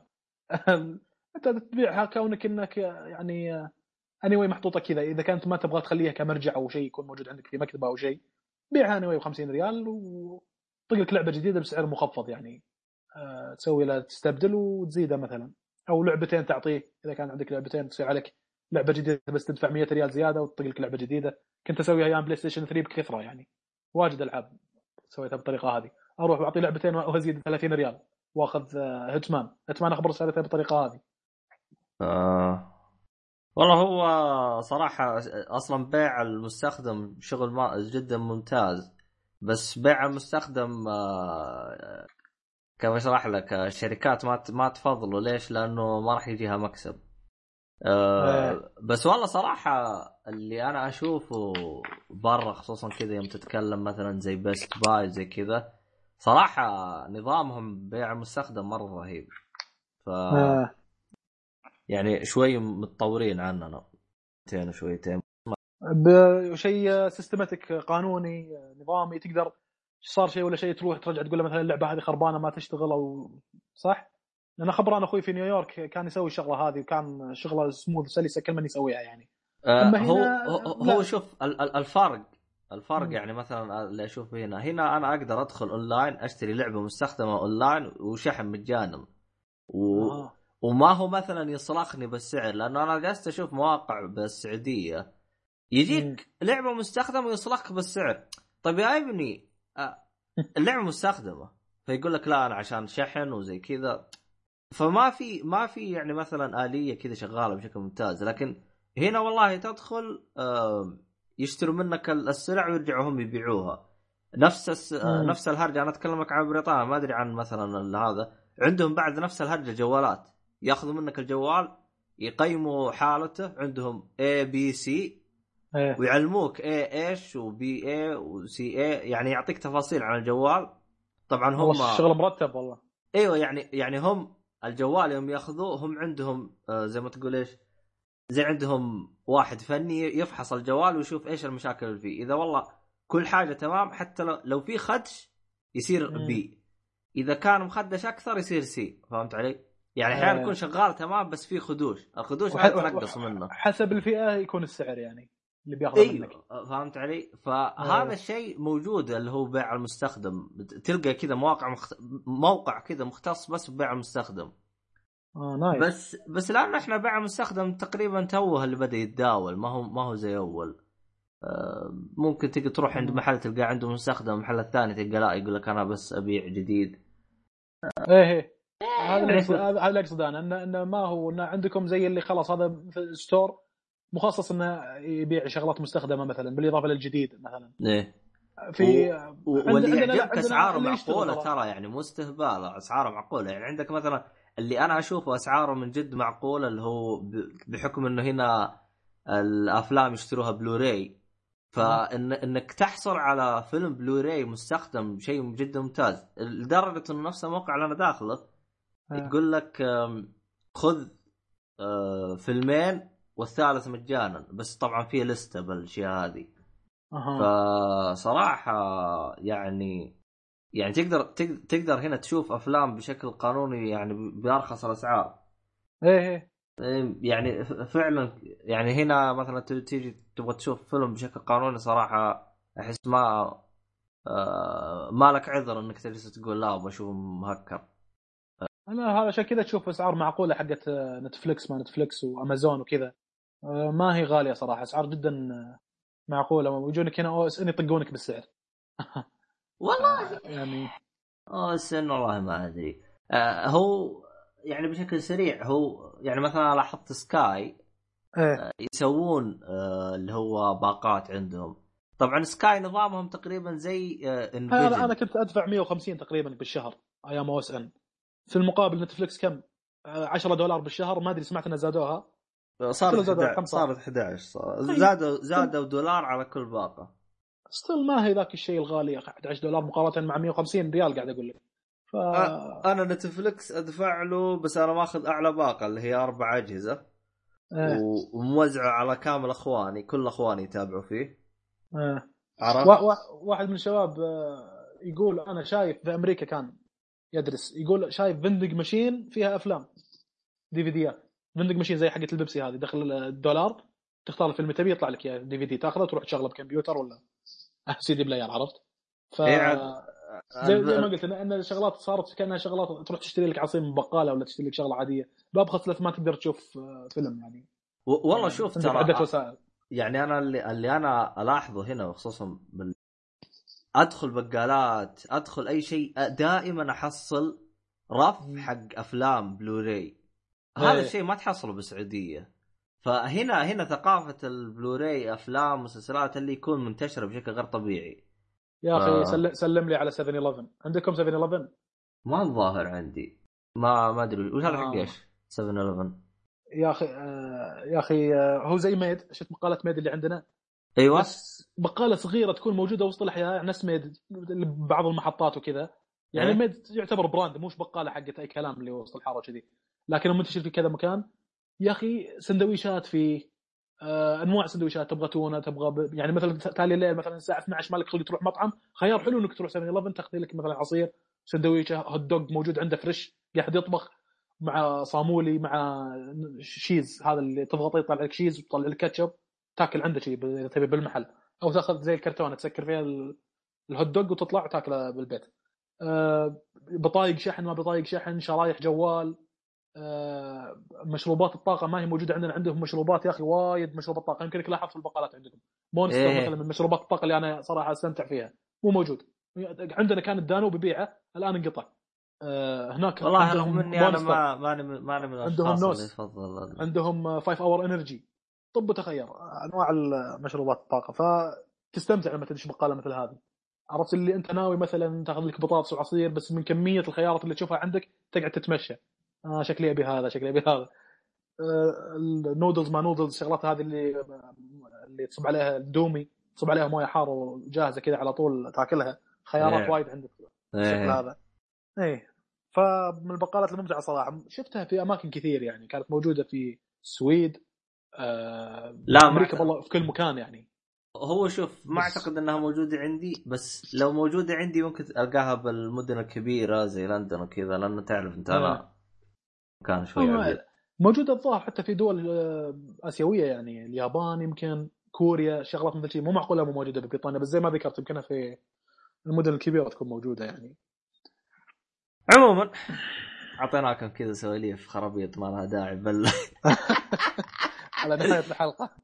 إيه، هذه عشان كذا نظبط مخكم شويتين نسوي له تهميز شويتين إيه. كذا سواليف عقب- ما لها داعي كذا عقب المحاضرة حقت Game of Thrones ها إيه. عموما آه، أهم شيء آه، أراكم أعزائي المستمعين آه، انشروا حلقات أعطونا بس آه، تبون آه، نتعمق في موضوع معين عندكم شيء حاجة أي شيء آه، اذكرونا لنا إياها وإن شاء الله فواز ما بيقصر معنا إن شاء الله.